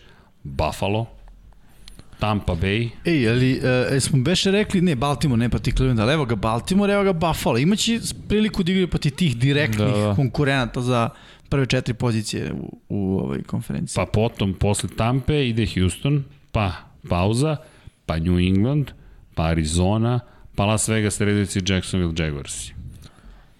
Nije naj... Nije lagan raspored, ali... Neće imati više okej. pobjeda Clevelanda, nema šans. Da. Hoće biti baš napet. Vrlo, vrlo, vrlo težak raspored. Težak raspored. Da. Ozbiljno težak raspored. Ali ja opet kažem, obzirom da ih vidim kao ekipu koja ulaze u play-off, to mora da se pobeđuje. Ne sve, ali nešto od toga mora da se pobedi, jer u suprotnom si slučajno u play-off. Upravo si. U play-off si samo da što je slaba divizija. Dobro došao u NFC Istok. Da. pa, pa, pa, pa da. Ali dobro, vidi, opet... Dok ne promene meni- pravila, misli, to je to. Šta. Vidi, meni djeluje da je Carson Wentz na pravom mestu u svakom slučaju. Za njega ne može, nema, teško da ne mogu da Njemu odgovara manji grad. Fila je baš ludnica, njemu odgovara ako miran grad kao što je Indianapolis, tamo je stvarno... Nisam ga upoznao, ne znam, ali... Tako okej. mi deluje, s malog fa fakse, svako, da ne faks, malo koleđa je naš, North Dakota State, Philadelphia je baš ludnica grada. Tamo su baš očekivanja velika, ako ih ne ispuniš, odma fanovi sve najgore tebi misle. Pa ne ver. E, dobro, da, ima, ima sigurno i toga. Ima sigurno i toga. Ali dobro, Indianapolis kolci visoko plasirani, svakako visoko Da. rangirani i svi smo ih tu negde rangirali, dakle malo smo ti ja niže rangirali, možda smo malo skeptični prema Vencu nego što su ostali, ali to je to, Me- među u top 10 u svakom slučaju ekipa.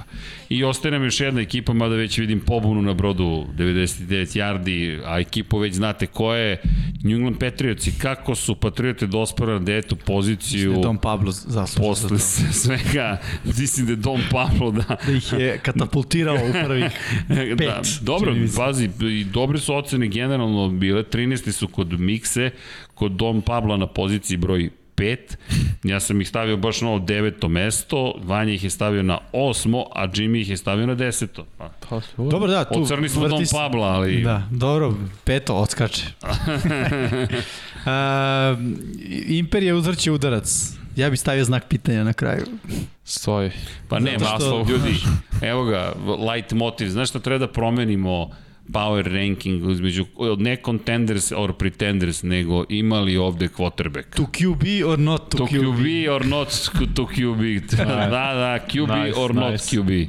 Bravo, Jimmy, ne, moramo da promenimo. Svaka ekipa, osim kao što si rekao, Ras, uh, Seattle sa Russellom Wilsonom je bukvalno veliko pitanje na poziciji quarterbacka u ovih osam, od 16. do 9. mesta. Pa bukvalno, Daniel Jones, Ryan Tannehill, Kyler Murray, Tua, Russell stabilno, James i onda pitanje koje smo upravo postavili za Venca i dolazimo do toga ko je uopšte ovde quarterback?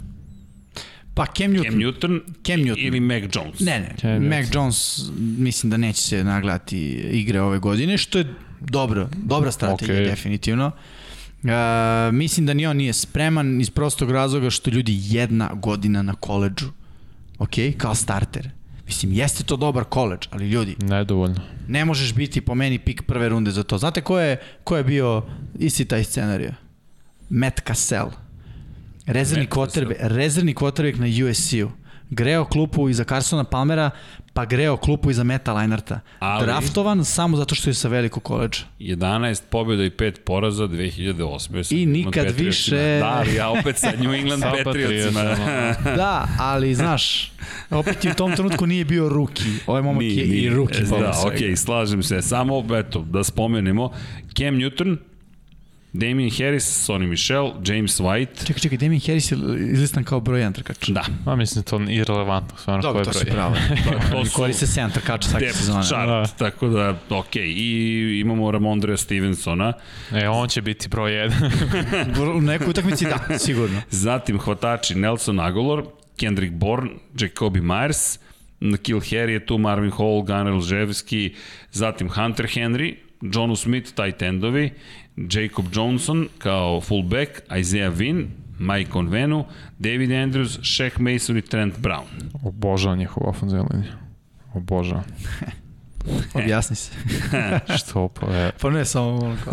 Pa mislim, obožavam i Isaiah Win i ovaj e, prošlogodišnji Michael, kako se no, što se prezio Srki. Uh, Mike Convenu, Da, on Da, je prošle godine kao ruki bio brutalan, vratio se Trent Brown u njihov sistem koji je bio jedan od najboljih levih teklova, tako da generalno Patrioti uvijek imaju vrlo dobro, minimalno vrlo dobro ofenzivnu liniju. Mislim da sad imaju odličnu ofenzivnu Ja liniju. bih sad rekao da nas čeka play action tim Da, New Englanda. Da. Mislim da Bill to želi da igra uh, od tuda dva tight enda. E, jesu oni obojica dobre hvatačke opcije, ali kao što rekao, John Smith je, jako mu je poznat play action sistem, jer je to igra u Tennessee Titansima, bio jako produktivan. S druge strane, Hunter Henry ne toliko, bar ne u ovoj godini sa, sa Herbertom. Sa Riversom je on bio za to. Sa Riversom, da, ali opet ni tu nije, ok, imao je dobre sezone, nije, nije da nije, ali meni nikad on nije bio kao top 5 tight endova u ligi, recimo. Nije. Jeste on jako dobar tight end. Ja njega više ovde vidim da će raditi neki, neku vrstu posla. Mislim da je neka, uh, mislim, ajde možda i ne mogu da pravim paralelu, više ih očekujem u nekom potpuno novom ruhu. Uh, dva su razloga. Prvo kad imaš takva dva tight enda, od kojih je jedan John Smith koji je odličan bloker, i može da hvata loptu i da istrači čak i neke duže rute. A, druga stvar, imaš Kema Newtona koji ima limitiranu rame, limitiranu ruku što se tiče a, dodavanja, kako će to da izgleda na neki, ne mora čak da budu duže lopte, ali ovaj, to je duži pasevi, ali a, definitivno je primetno da skraćuje ruku. Mislim da nas čeka New England koji će dosta da trči, od tuda i toliko, oni već i trče godinama unazad, da kažemo, bazira se na, na, na da, tome. Da, to će biti game plan, realno to Bill Belichick mora na to da se osloni. Tako će da bude, zato što da još i druga godina Kema u sistemu, mislim da će to biti plus samo. Ako bude bio Pa zdrav, biće, ti da. si Srki danas rekao da je povredio šaku na treningu i da nije učestvovao više na treningu, da je bio na sideline u ceo trening. Da, ali imaš, ajmo da dodamo još jednu stvar. Lawrence Guy, Čemu Odbrana. odbrana? da, Damon Gacho, zatim Henry Anderson, Matt Judon, Jeremy Bentley, Donta Hightower koji se vraća posle mm -hmm. sezone pauze, biće prilagođavanje to, to i dalje Donta Hightower, Kyle Van Noy, JC Jackson, Adrian Phillips, Devin McCourty, Stefan Gilmore. Plus Barrymore su draftovali u drugoj rundi Jest. kao najbolji defensivni tackle Da, prospekt. Christian Odbrana, Barrymore. ozbiljna. Odbrana je jako Mogu dobra. sada kažem da će biti najbolji odbrana u ligi. Pa, ajde, vidjet ćemo, ali miriše na to. Slažem se sa, sa tobom da tako, da tako zaista deluje. A, Pre samo ću dodam, ljudi mnogo otpisuju Stefan Gilmora. I, Mislim, to prerano stvarno da je, pa jest. pogotovo u ovakvom sistemu još odbrana Ili ja znam nešto, da dok on bude bio dobar, bit će u Patriotama. Kada ga Bill bude tradeo, Tako to je, je. kraj karijere e, Stefana Gilmora. Tako Pošto je. Bill zadrži, odlučio da ga zadrži, ima još JC Gilmora Jackson je prošle godine iskočio, Jest. što znači da će da se menjaju ko će uzme broj jedan hvatača. Ozbiljno, ozbiljno dobra odbrana. Još jedna stvar, Matt Patricia se vratio u zgradu. Tako je. Da. Ne znamo još ulogu koju će igrati, ali svi su puni hvale. I što se tiče Meka Jonesa, to je zanimljivo. Nije ni Beličik, ni nije išao ne previše pr- praktično kampova ili pro dejeva koji da, da gledaju quarterbackove. Jones iz nekog razloga je njemu bio na radaru i sad to je zanimljivo vidjeti kako će se, šta će se tu desiti. Ovo što si rekao, tu deluje kao legit prava najava, međutim oni ljudi su se bavili njime, pa sad vidjet ćemo da li će se i kada pojaviti, ne treba to poceniti. Mi smo ovde, kao što smo rekli, New England malo gore dole, ali svi ih rangiramo vrlo visoko, baš zahvaljujući svemu što su učinili. I da, možda je to knee jerk reaction, što kažu, reakcija na ono što su radili u, u prošlosti, ali to je i dalje Bill Belichick. Jeste, ali ja i dalje mislim da on e, nije baš najsjajniji kad pričamo o odabiru quarterbackova. Mislim, ajde da pogledamo ovako, ima tu imena i potencijala, ali osim Brady-a, niko nije dorastao. Znači, ne, ako zašto bi... su ovako visoko, to objašnjam. Aha, da, da, da, mislim, vidi, odbrana, ko što je Vanja rekao, sigurno konkuriše da bude, ono, ajde da kažemo, top 5 u celom NFL-u. I čim pričamo tako dobroj odbrani, to znači da tvoj napad neće morati da postiže 35 plus poena, nego tu oko 22-3 recimo u proseku, što je 3 touchdowna. Mislim, trebalo bi da možeš sa svim ovim imenima. Može i odbrana da, da proizvede. Pa da, ali znaš, ne možeš da vučeš kao prosek odbrane da daje touchdown pod meč. Ne, to je mnogo. naravno, znaš, naravno. oni daju tipa 3 poena po utakmici u proseku. Što je ono, svaku drugu utakmicu interception vrati za touchdown ili, Pa ili da. tako nešto. Što i, I to je ludilo. Znaš šta mi miriše? Će biti kao sezona 2019. Da će odbrana biti toliko dominantna da napad ne mora da vuče tako. Tako je bilo. Samo što ima mnogo bolje opcije sada nego što je imao pre dve godine. Ali ne toliko dobro quarterback. Pa jeste, ali opet ima ono MVP-a na, na poziciji quarterbacka. A, ima nekoga ko je, mislim, pokazao da je dobar quarterback, pričamo o Kemu, ali i dalje pričam tu priču limitirajući faktor. Baš je da je neko srećnije vreme, da je Kem u iole dobroj formi, to je da ta ruka može da funkcioniše. Ovo je preozbiljan tim, ali Kem jeste liability, opet priča o quarterbackovima. Mac Jones, ljudi tek stigao, pa nije Klinac. to kao uzmeš nekoga količina Brady-a na, pa ćeš dobiti A ne, Brady. Ljudi, on, smešno. ovi reporteri sa kampa Patriota kažu on mnogo malo izgleda. Koliko god to banalno zvuči. Ko, Mac Jones? Da, sitno delo, pogotovo u poređenju sa Kemom. On, sa, meni ne delo da je on sa- stvarno spreman, plus nije nikakav atleta skoro, nema neke predispozicije koje mogu da ga izvuku iz toga. On stvarno ove izvuku. godine ne deluje kao opcija da može da igra. Mislim da bi to Čudan baš izbor. bilo ne fatalno za njegovu karijeru, ali mnogo teško da pređe preko toga ako bude imao dve, tri loše. A ve, mislim da će imati čak i katastrofalne utakmice ako bude igrao. Mislim da Cam mora bude starter. Vidi, ja njega vidim da igra samo ako je Cam povređen. Iskreno, ne, ne vidim drugi scen. Ili ako, ono, neko Ja ja baš čak i vidim i demolira. Brian Hoyera tad pre. Iskreno. Pa dobro, okej, znaš, ali ono, u mojoj glavi to je scena da Cam ne igra nekoliko utakmica, pa sad kao Hoyer počne, vidiš da je loša odluka, pa kao je promo sa ovim klincima Okej. da imamo da vidimo šta, šta može da nam pruži. Ali mislim i da nema ni pretrane potrebe da se kockaju sa, sa, sa njim sada. Uh, videli smo od, od mnogih ekipa da je dobra taktika da quarterback presedi jednu godinu, mislim Mahomes je presedeo, da može tu mnogo da nauči, da može da napreduje na taj način i da onda polako dobija ključeve grada. Miami Dolphins, prvi susret. Okay. New York Jets i drugi susret. New Orleans Saints i zatim, pa Tampa Bay Buccaneers i utakmica koja Vruća. je rasprodata. Pa Houston Texans, Dallas Cowboys New York Jets, Nije težak raspored za sad. Los Angeles Chargers, opet, Okej, da. Carolina. Panthers, 9, ok, znači 6. Cleveland Browns i prvi E, to je već. ozbiljni susret. Klizić. Atlanta Falcons, Da, to je pobedio. Tennessee Titans, Može da se ono, da se Mo igra s njim. moguće. Buffalo Billsi, to je taj susret koji Da, smo je- pričali. Pa, pauza, pa Indianapolis Coltsi, pa Buffalo Billsi, pa Jacksonville Jaguarsi i na kraju Miami Dolphinsi. E, paklen završetak, ja bih rekao. 3 od 4 ozbiljne utakmice za, za New England na kraju. 11, 6 ili 12, 5 za New England. Zavisi tog da li će Miami dobiti dva puta. Pa vidi, ali ovo što ako- Jimmy kaže, tebi je decembar i januar su ti pakao. Dva puta si sa Billsima, imaš Coltsa, jedno imaš Miami i jedino Jacksonville i ta nedelja pauza. I znaš što je tu isto problematično? Od te četiri utakmice, ako pobediš samo jednu i izgubiš tri, kakav ulaz u play-off, znaš. Pritom gubiš od ekipa koje očekujemo budu u play-off. Ono, Buffalo, Da, da. šta smo još rekli? Indianapolis, Indianapolis. Dva Miami. puta Buffalo i Miami, s kojim se direktno Miami, verovatno biješ za da tu treba poziciju broj da 2. skupe oz, pobede tih prvih 8, mislim mogu da imaju 6-2 u prvih 8, u prvih 9 možda 6-3. Mislim da tu treba da skupe većinu pobeda. Da. Ali, ono, i dalje kupe znak pitanja.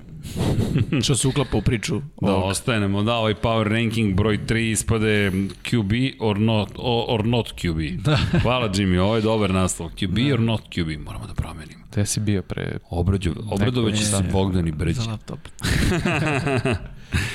Da, eto to je pogled iz naše perspektive na poziciji 9, 10, 11, 12, 13, 14 i 15, ne, i 16, I 16, da. i 16. YouTube subscribe, to Dom Pablo, ne moram sve, ali subscribeujte se, udrite like na ovaj video ukoliko vam se dopada, ali tako dalje. Gde si uzeo het, pitanje za, za Vanju? Ne znam, čekaj da vidim. Neću da ih reklamiram. Potražite. Pitanje je da li ti to neka Raiders majica? Ne, to mu je Ne, Tampa Bay Ovo majica. je anime majica. Ne znam, neki pirati su tu, tako da... One Piece se zove anime. Ako nisu Raidersi, onda je Tampa u pitanju. E, Srki, na koju adresu mogu da pošlem poklon za studiju na? Hvala Nikola pre svega. Adresa je Svetogorska 46. Samo stavite Infinity Lighthouse i poštar već zna. I ovaj, ovaj prethodni dobio posao novi, pobego je od nas. Sad Poštar? imamo, imamo novog poštara, da. Opet. Ali čestitamo mu na zaposlenju u novoj firmi, imali smo i telefon čoveka, sad nemamo baš telefon, ali dobro, naučit ćemo. Za koliko ja vidim za ceo ovaj debidus ranking je kriv Dom Pablo. Ne, Dom Pablo, evo vam ga profesor, Ej, matematika. Mi smo tim, Da. mi smo tim, rekao tako Srki, je. tako da je ona... Tako da je on. tako da sam ja kriv. A to je to. Da bilo je kao ljudi radimo power ranking, ko će slati račune? Ja, nemojte, ja nisam dobro. Ne. A što ne bi Jimmy, on je prošao, ajde, ja ću, onako, ko je kriv? On je kriv. Ne, ajte, Ne, ne, svi Pablo zajedno da smo odgovorni, nema tu Šalim se, šta. naravno. naravno Nema zajedno. tu šta, ovo smo zajedno kalkulisali, gledali, razmišljali. Ej, ljudi, i opet bih rekao, ovo je je? Prvi power ranking. Biće još jedan, nećemo ih imati 100, biće još jedan, ali kako se budemo približili sezoni, kao što rekoh, dosta otvorenih pitanja. Julio Jones, to je prva stvar. Aaron Rodgers, to su sve stvari koje, ako nije ovde gde je sad, sve menja. potpuno sve menja, zaista sve menja. Uh, Huli ako vidimo u ekipi koja je već, uh, da kažemo, playoff uh, učesnik u našim glavama i koja možda može u Superbola, možda sad već vidimo i kao potencijalnog šampiona. To zaista može sve da promeni. Ovo su ovo je ono neki prvi power ranking od kog smo krenuli, neki temelji se moraju postaviti i, ček, i onda idemo bam bam gore dole. U maju smo ovo pisali. Dajte da. ljudi, pa mislim koliko god da, god da volimo ili znamo ili ne znamo, u maju pišemo o NFL-u, pa u decembru nemamo pojma šta će desiti, to je lepota NFL-a. Ono čuveno, ko će da osvoji Super Bowl i svi u glas New England, New England, New England, ups, New York Giantsi. Ko će da osvoji Super Bowl, osvojit će Kansas City, Kansas City, Kansas City, ups, Tampa Bay. Ko to može da zna? To je, to je lepota svega ovoga. Baš je, baš je lepota. Tako da, ali tad neće imati četiri emisije, malo ćemo to da, da, da skratimo. Da, bit će to jedna emisija. Frost, jesu li bili Arizona Cardinals i Don Pablo, možemo da bacimo pogled još jednom na konačni ranking. Don Pablo nam je posrnuo, Don Pablo treba kafa. New England, Indianapolis Colts, New Orleans Saints, Seattle Seahawks i Miami Dolphins i Arizona Cardinals i Tennessee Titans i New York Giants i mene čudi što ne, ne mogu ovo da pročitam, ali dobro, i eto tako da su bili Arizona Cardinalsi, pa da. I eto, ako imate neka pitanja, naravno, kada ste već tu, još jednom, udrite like, to pomaže, it helps. Ja ću da izreklamiram domaću ligu. E da, ima ovde pitanje za domaće, pitanje za Jimmy-a. Zašto jednostavno nije radio metričku sredinu svih ocena umesto odokativne metode? Nije, e, nije bilo odokativne, ovo je bila geometrijska, geometrijska sredina. sredina. Da, znači da. svako mesto puta, na, od svako, znači ako je nek, sad je neko peto, ja sedmo, on deveto, Don Pablo deseto, to jedno puta, drugo puta, treće, četvrto, pa onda četvrti korin toga. U našoj situaciji peti, pošto nas je petorica, Tako je. onda svako jedno puta, drugo puta, treće, četvrto, peto i peti koren. I sada jedno pitanje baš iz lige. Pitanje za Jimmy je da li je Dušan Radović Grizzlies Banat Bullsa najbolji blindside tackle u našoj ligi? Blindside tackle kao levi tackle. Pa, ne znam, mislim, nemam pojma, to je sad ono diskusija, definitivno. Ima tu jako, jako dobrih igrača uh, koji igraju poziciju uh, ofanzivne linije, ali nisam razmišljao na tu temu, morao bih da onako slegnem utiske, što se kaže, pa da onda dam neki, neki svoj sud, ali definitivno se radi jednom od, od boljih igrača. Segment coaches tape. Coaches tape. uh, domaća liga. domaća liga. Da, igra se ove nedelje. Uh, moja ekipa Vukovi i Beograd igraju protiv ekipe Plavih Zmajeva, to je Beogradski derbi, što bi se reklo, bitka za Beograd.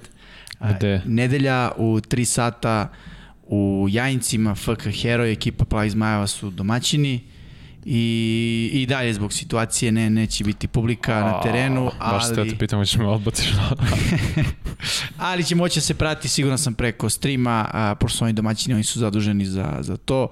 A, pored toga igraju su i ostale utakmice a, domaćeg, domaće lige, sad da vas ne lažem, ko protiv koga igra, uh, malo sam ono tunnel vision u smislu fokusiran samo na, na nas i šta mi radimo, ali svakako ispratite uh, taj trend o, o, o live streamu svih utakmica je definitivno aktivan i uh, pokazalo se da ljudi prate i da ih, da ih zanima, nije, ko što rekoh, neki NFL kvalitet snimka, ali okej, okay može lepo da se pogleda i da se isprati šta se dešava u domaćoj ligi, a takođe i regionalno kod nas ne može još uvijek publika, ali evo Sarajevo Spartans i Tuzla Salt Miners igraju meč i tu će moći publika da bude. To je u komšiluku.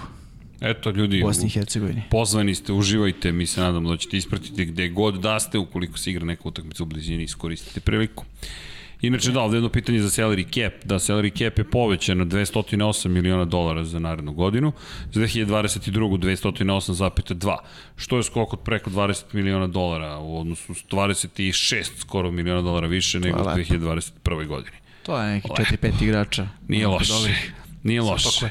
Ne, ne, to je samo veća plata za quarterback. to je samo veća plata, to je sad 40 smo prešli, to je tu smo došli, ajmo sad sledeći. Ko će prvi da dobije 50 zvanično? Uf, mislim da smo daleko par godina od toga. Znaš, ja možda mogu sada da kažem Trevor Lawrence za 4 godine. Justin Herbert. Oh, pa muku, muku Ne bih voleo to Dobro. da dođe do to, ali mislim da je tako tom nekom projekcijom idemo da je to realno. Da, ali mislim za 4-5 godina, ne, ne pre. Pa to je to. Pa da, da, on se uklapa u to. Pa on stačno. Za 3-4. Da. da. Da, evo, Ozren Prpić, Seahawks gave Panther Michael Dixon a four-year extension that he could afford. Teo sam da kažem da uvijek Panteri. u petak veče kada radimo stižu neki NFL Stižu, vesti. To tako mi je interesantno. je. I ja sam dobio tu vesti isto. Da, Miloš Petković, na primjer, Kalifornija ima mnogo veći porez od Floride, pa, se, pa s tim ekipe mnogo više moraju da plaćaju igrače. Pa ne, Ne nužno. moraju. Ne, ne, ne, ne, u Americi Oni su dogovaraju to- bruto Tako, zaradi. ne, ne, ne, ljudi, ne, ne, ne, ne, ne tamo, ste. tamo su malo ljudi ma, malo drugačije podučeni, ne, da ne sad ne ulazim u to, ali tamo se nikad ne pregovara neto plata. Neto da. plata ne postoji I kao ne, ne koncept. pregovara se mesečna plata, Ne, nego da, godišnja. ne, ne, ti tamo pregovaraš uglavnom tako je godišnju platu, bonusi, za što staje base salary i tako dalje. Uvek i isključivo je bruto plata. Ili ti u slučaju Republike Srbije imate bruto 1, bruto 2, bruto 2 takozvani. Dakle, sve ono što firme plaćaju, tamo firme to ne plaćaju. Ne bave se vašim ličnim porezom, to je za ostavštene nekog drugog sistema, ne ulazimo u ucenjivanje sistema ko je bolji, Da, ko je lošiji. Prosto, e, tamo vas malo tretiraju kao odraslu osobu. Ej, to su tvoje pare. A da li ćeš ti da platiš porez je tvoj problem. Da vidiš tako, možda vidiš to tako, veća šansa da ti naplate kaznu, ako zaboraviš Da, nešto ne, da ne, uradeš. pa vidi, to je ono čo, ali isto tako možeš i da dobiješ porez nazad. Da, da. da. Jer to samim tim zahteva odgovorniju poredsku pored državu na nivou stvara poreza. poslove i sve Tako ostalo je, vidi, kapitalizam. moj brat je u Čileu, to nije zemlja prvog sveta, nije zemlja, pa dobije porez nazad, ali dobije bruto platu, on prijavi svoje poreze, prijavi troškove, skupi sve račune koje je imao tokom godine, oni mu vrate porez. Ne kažu mu što si tražio porez nazad. Sad ćemo ti pošaljemo inspekciju, ali to je neka druga priča. Nego je point od, pa jeste, to je tako funkcioniše, ali mislim, negde. Ali je point od tome da, da porezi tamo se ne pregovara, nema, to, to je tvoj problem gde ćeš ti da stanuješ. Da. I gde si rezident na kraju dana. Ja Tako sad ne znam kako je, tako kako je da kažem ono, do, do detalja priča, ali pretpostavljam da možda, možda budeš rezident drugog stejta. Ne, ne, gde Ne možeš? igraš. Tu si, tu si Da, da. rezident. Ok, onda Za ne svaki može. Onda ne profesionalni može. sport. Da, tako da Miloše, to je dobro razmišljanje, ali, ali u suštini to je, to je njihov problem.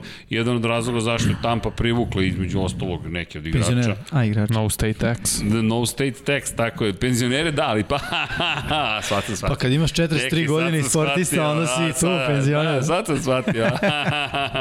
da, da, da, pa to je država penzionera. Ja cenim da bi moji uživali da su na Floridi. Tax isto. više visoke temperature, niska stopa poreska, ne Komšija Brady. Ko, ko, ideš, I gledaš tampu i pucaju tamo topovi, malo možeš i na hokej, šta te briga, možeš sad i šta hoćeš. Tako da, da, da, to je, za neki ljude više zato vole da idu na Floridu, neki više vole Texas zbog nekih drugih razloga, neki Kaliforniju, sve ima svoje prednosti. Ne znam koliko država ima taj no, uh, no tax. Nisam siguran. Mislim da znam za Texas, znam za Floridu, ne znam da li ima još neki. Ali to ti, to ti, znaš Od kako... države do države to sve. Pa da, to, to su Uh, Sjedinjene oh, Delaware. američke države. Delaware. Da, dobro, Delaware je tax haven, tako da, to je isto pitanje kako se tretira Delaware. Da. Delaware je specifična država. Ali deo United States, tako mislim. Jeste, da je-. United States, samo što ima specifični poreski Da, znam. sistem. Ti, ako osnuješ kompaniju u Delawareu, obeležen si kao da si u tax havenu, tako da to, je ono? britinsk, znaš, brit, britanska devičanska ostrava i slično, Da. to su Mislim da je Aljaska ima neki mali porez, ali tamo Moguće, nećemo gledati moguće. NFL ekipu. Da, ali, ali to gledaš e, i standard životni i gledaš i te stvari. Pa dobro, to služi kao jedna vrsta privlačenja ljudi Pa da žive u tom stejtu. Ne znam, znam da, da je Minnesota jedan od gradova koji je poželjniji, nego je hladno. Minneapolis, misliš? Minneapolis, izvinjam se, Minnesota kao država, ali Minneapolis, da, lep grad i, on, i kažu, na primjer, da je grad u kojem je lepo živjeti, prosto, kvalitet života je visok.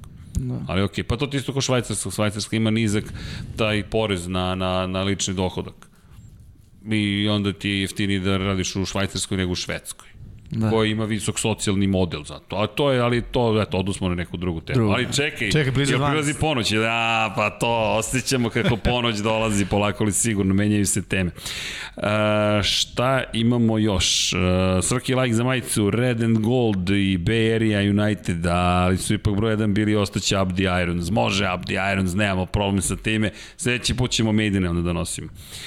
Koliko godine je potrebno da stekneš penziju e, u NFL-u? Nisam siguran za to tačno koliko je... A, mislim da pre godina. 50 ili 55 ne možeš da, da dobiješ Nekoliko novac. godina i moraš da igraš profesionalno. e, Bio pet. To je sad interesantno. Ne znam, to ja ne znam, mislim da je ali pet. i kada stekneš penziju ne dobijaš je pre 50 Da, ili da. 55. To, to čini mi se da je jedno ta dva, Ne znam, ne znam odgovor stvarno. da je to prag. Ne sjećam se sad tačno, ali ajte, eto, to je dobro pitanje, hvala, pa ćemo da saznamo otprilike, ali to je dovedeno relativno skoro, to je mm -hmm. jedan od ovih collective bargaining Tako je, koji Players su Players jeste, Association. NFP, NFPLA u suštini je zadužen za to, ali hvala za pitanje, da, to, to saznaćemo. Minneapolis je najhladniji grad u NFL, tako je, zato su sagradili dvoranu i rekli nećemo mi da se da kad se Nije post... ni Green Bay. Mislim da je Minneapolis. Wow. Mislim da je Minneapolis, uh, da, da, da je tamo baš hladno. Okay. Oni su bre skoro pa Kanada. Da, oni A su... Kanada je hladna. Da, ali nemojte da kažeš u Minneapolis. Tamo ljubav između Kanade i Minneapolisa nije, nije baš na nego niskom. Jesi gledao, jeste gledali, čekajte, ne Šta? te zaboravim, imao si, bio si mlad, ali k- kako sam upoznao vašu majku? Ha, Na, neka- najbolja serija ikada. Bože, sve sam gledao. propustio. Kakva serija. To Ne je gledam serije generalno. Mislim, počeo sam da gledam posljednjih Brate, godinu to ti dana. kao- serije ne. uh, Friends, With benefits. Al- pa, Kako, Ima, kao a? Friends? pa kao nastavak with Friendsa. benefits, znaš. Pa ne, ne, ne, ne bukvalan se, ali je, no, uh, mislim, Drugačije. takav uticaj ima. znam o čemu se radi, samo nisam gledao. Da, da, Ne, da. vrhunska serija, poželjna. A šta je poenta sa serijom? Mislim, Pa, mislim što si spomenuo? advok, Zato što tamo imaš devojku iz Kanade i onda kada je, mora da laže da navija za Minnesota. I onda to kaže, ja ne mogu ovo više. Ovo je, ovo je protiv prirodni blud zapravo. da, da, tako da, ne, eto, to je to. Um, Ljudi, što ne uzmete NFL Fantasy aplikaciju, odredite mock draft timove, par puta pokažete koji su pocenjeni, a koji a, precenjeni. Igrate neki savjet o igračima. o fantaziju. Pa možda imali smo i prošle godine jednu, eh, jedan podcast posvećen tome, što bi se rekao nije baš prošlo kako su ljudi očekivali. Mislim, ljudi, to je, to je kocka. Znaš, eto, prošle godine je neko pokupio Saquona Barkley, odličan pik, bam, povreda i šta sad? Ćao. Možda ga preporučuješ mesec dana, razumeš, ako se čovjek povredi, Znam, to je bio to. sam prvi na draftu i kao to, I imam si ga. sekona, ja sam Samo, obezbedio e, svoju a, budućnost. Ča- E, ali znaš šta je se desilo? Uh, nešto mi je tiltovo računar i Autopik. ne, ne, ne. I kako je proradio klik na Bena Rotlisbergera kao pik broj 2. Pa dobro, nisi loše prošao. I na kraju nisam loše prošao. ali to ti to malo imaš sreće. Pričat ćemo verovatno i, o, i o fantaziji ove, ove godine, bar jedan. Da, da, pa svakako, pa svakako će biti dok ne krene sezona. Marshall je u seriji bio za Vikinge, tako je ozren, onda je Marshall vodio, Marshall, da. kako se zove, ne mogu da se setim, ali... Lili. Nije Lili, nije, nije, nego je vo, Koga je vodio. vodio? Molim? Koga je vodio? Pa ne mogu da se setim kako se zove devojka, bože, sad sam zaboravio, ali Kobe Smulders u svakom slučaju. Robin. Robin, bravo, ba ja nju znam iz Avengersa, pusti. Pa znam. Pa, da, naravno, zna se. Okay. Lupo si opet u geek moment, ne razumem. Idem ja Znači, to je popularna Agent Maria Hill. Da. Ej, Osvetnici. ne se shvataš. Da. On mora biti tu. Pa sad još... On mora biti tu. Jesi video za najavu četvrte faze? E, a, nisam vidio. Čekaj, čuvaj to za još... Čekaj, čekaj. 32 Da. minuta. Ali ovo. How I Purposeful, je dao sjajan komentar. How I Met Your Mother nisam mogao da smislim, sada znam na pamet. To se meni dogodilo. A, mora da je na, našao devojku. Pošto ja nisam, nisam znao o toj seriji dok nisam imao, devojku. Mm, Me, Kako smo se upoznali, ona je počela da priča o toj seriji, da priča i da priča. Priča, ja sam tako saznao Za seriju. za seriju i pogledao tipa pet epizoda. Ne, vidi, ne, kad pređeš 40, onda ti se bolje... Epizodu ili godinu? Ne, godinu. Okay. Onda kockice bolje počnu da se slaže, kažeš, čeka, ovo zapravo nije toliko glupo. Ne, ja ne mislim da sam je, da je, da je glupo, ne pocenjujem, zaista samo prosto... Što, devojka sluša ili... Ne, ne, ne. ne znam, ne znam, možda i sluša, uglavnom sluša. Ovaj, nego samo zato što e, do pre recimo godinu i po dana, dve, nisam uopšte gledao serije, nisam bio taj tip, jer nisam Kapem. imao vremena da uglavim toliku pos, posvećenost. Jer to je realno posvećenost, znaš, moraš da gledaš, da pratiš, da binđuješ, da ne znam ovo, ne znam ono, i, i da budeš u toku. I onda sam zapratio, e, prvo sam krenuo od serije koje su limitirane, tipa Černobilj, znaš, kao šest epizoda. To mogu pogledam šest epizoda, izdvojit ću za mesec dana. Netflix sad to razlači, ako može u tri, pa ti ga napravi u deset. Ali ja tražim te, te ovaj, uh, bisere koji su ono, jedna sezona, nema dalje jer je uglavnom po istinitom događaju i onda, znaš, limitiran si. Znaš, ne može Černobil 2. Pa, Mislim, ako, mo- ako bude, Može, ne daj može, Bože. može, može, vidi, može. sigurno mogu da Pa, smisle nešto. ja imam tri serije koje sam gledao ceo život, to je How I Met Your Mother, Grey's Anatomy i Criminal Minds. I to ono gledaš Criminal Minds sam gledao, ali jedno... sve vreme, svake nedelje po... Da, uj, obožavam seriju. Obožavam. Svaki- Criminal Minds sam prestao da gledam momenta kad sam skapirao šablon po kome serija funkcioniše. I non stop Pa uskaču jedni drugima u reč i završavaju rečenici, bio sam u fazonu, a ovo ne mogu kako gledam. No, How I Met Your Mother odlična serija, obožavam Barnija kao lik, to mi je omiljeni lik. E, jel mogu da bacim jedan shout out za Smiljana Banjca?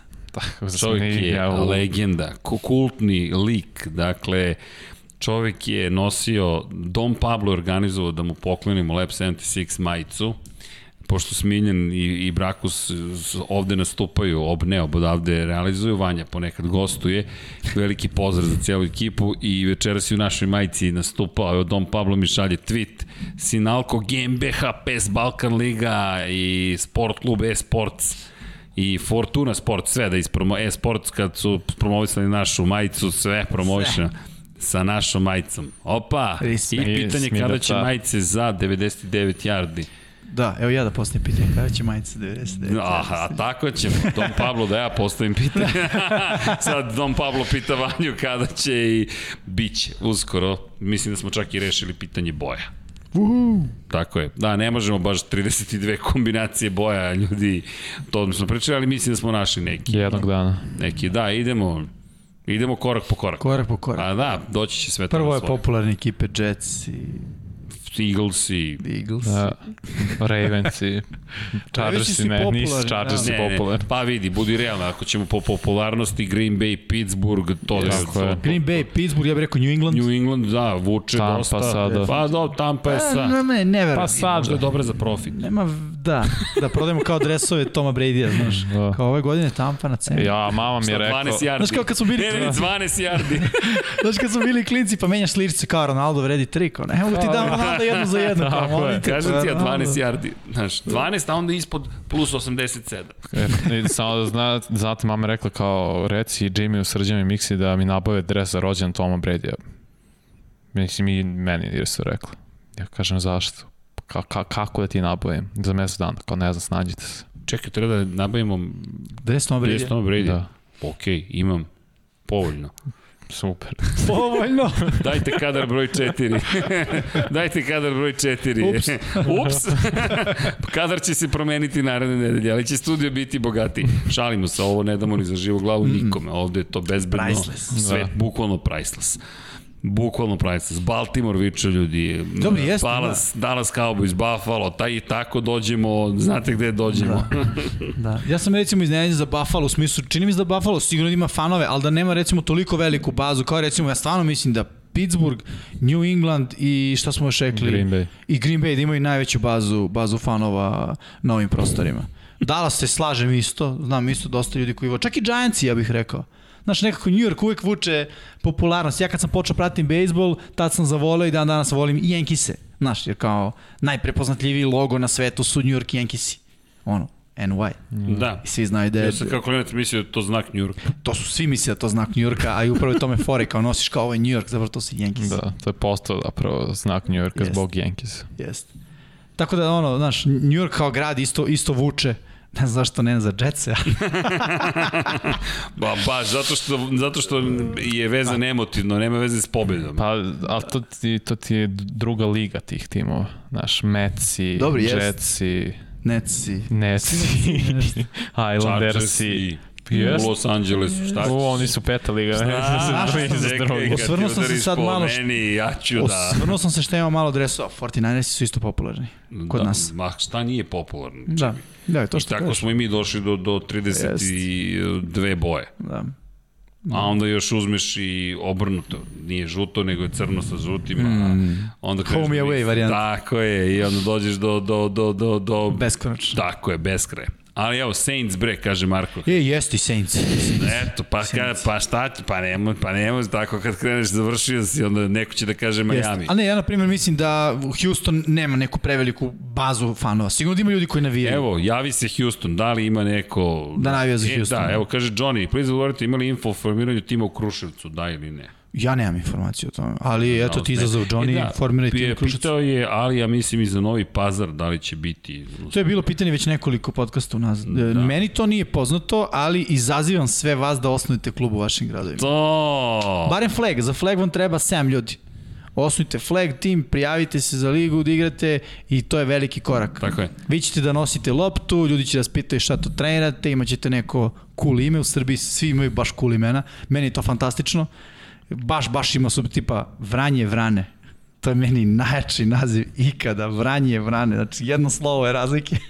I čak kad se piše ono, i latinicom i ćirilicom sve jedno, bukvalno je ono skoro pa, pa identično. Pazi ovde, Ali su jako kreativni timovi. mislim da si se zamerio nekima za ove Yankees, odmah da znaš. Dobro, Što? pošteno. Ja nemam ništa ne, protiv. što, pa nije bukvalno, Vanja, Derek a, nije Jeter to bukvalno. i A-Rod kad su bili u ekipi. to je bilo... Sisi Sabatija Si, si, isto. Sabatija, pitcher, tako. Čekaj, ajde da vidimo da li će da se... Ima li jedan navijač, navijačica Houston Texansa prisutan, prisutna u četu? Molim vas, neka se javi. Da. Pošto dobi oslednje informacije Stefana Houston, imamo problem.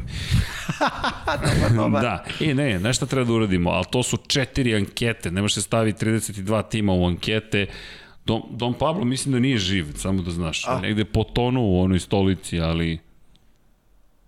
Evo, o, oči trepće. Tu je, Trepće. tu je. Dakle, eto, javite se u Houston Texansi. Uh, imam ja adres Ariana Fostera, original kupljen u šopu, kaže Bojan Marko. Wow. Respekt. Možda najveći on i, i Andre Johnson igrači on, te franšize. Definitivno. Da. Ok, JJ Watt, naravno. Ali kao oni još igraju, znaš, pa nekako ih...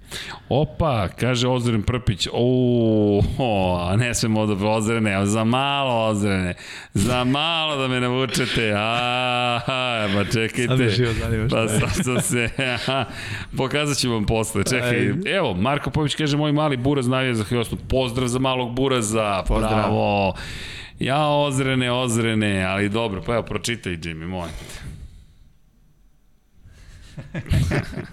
Vanja.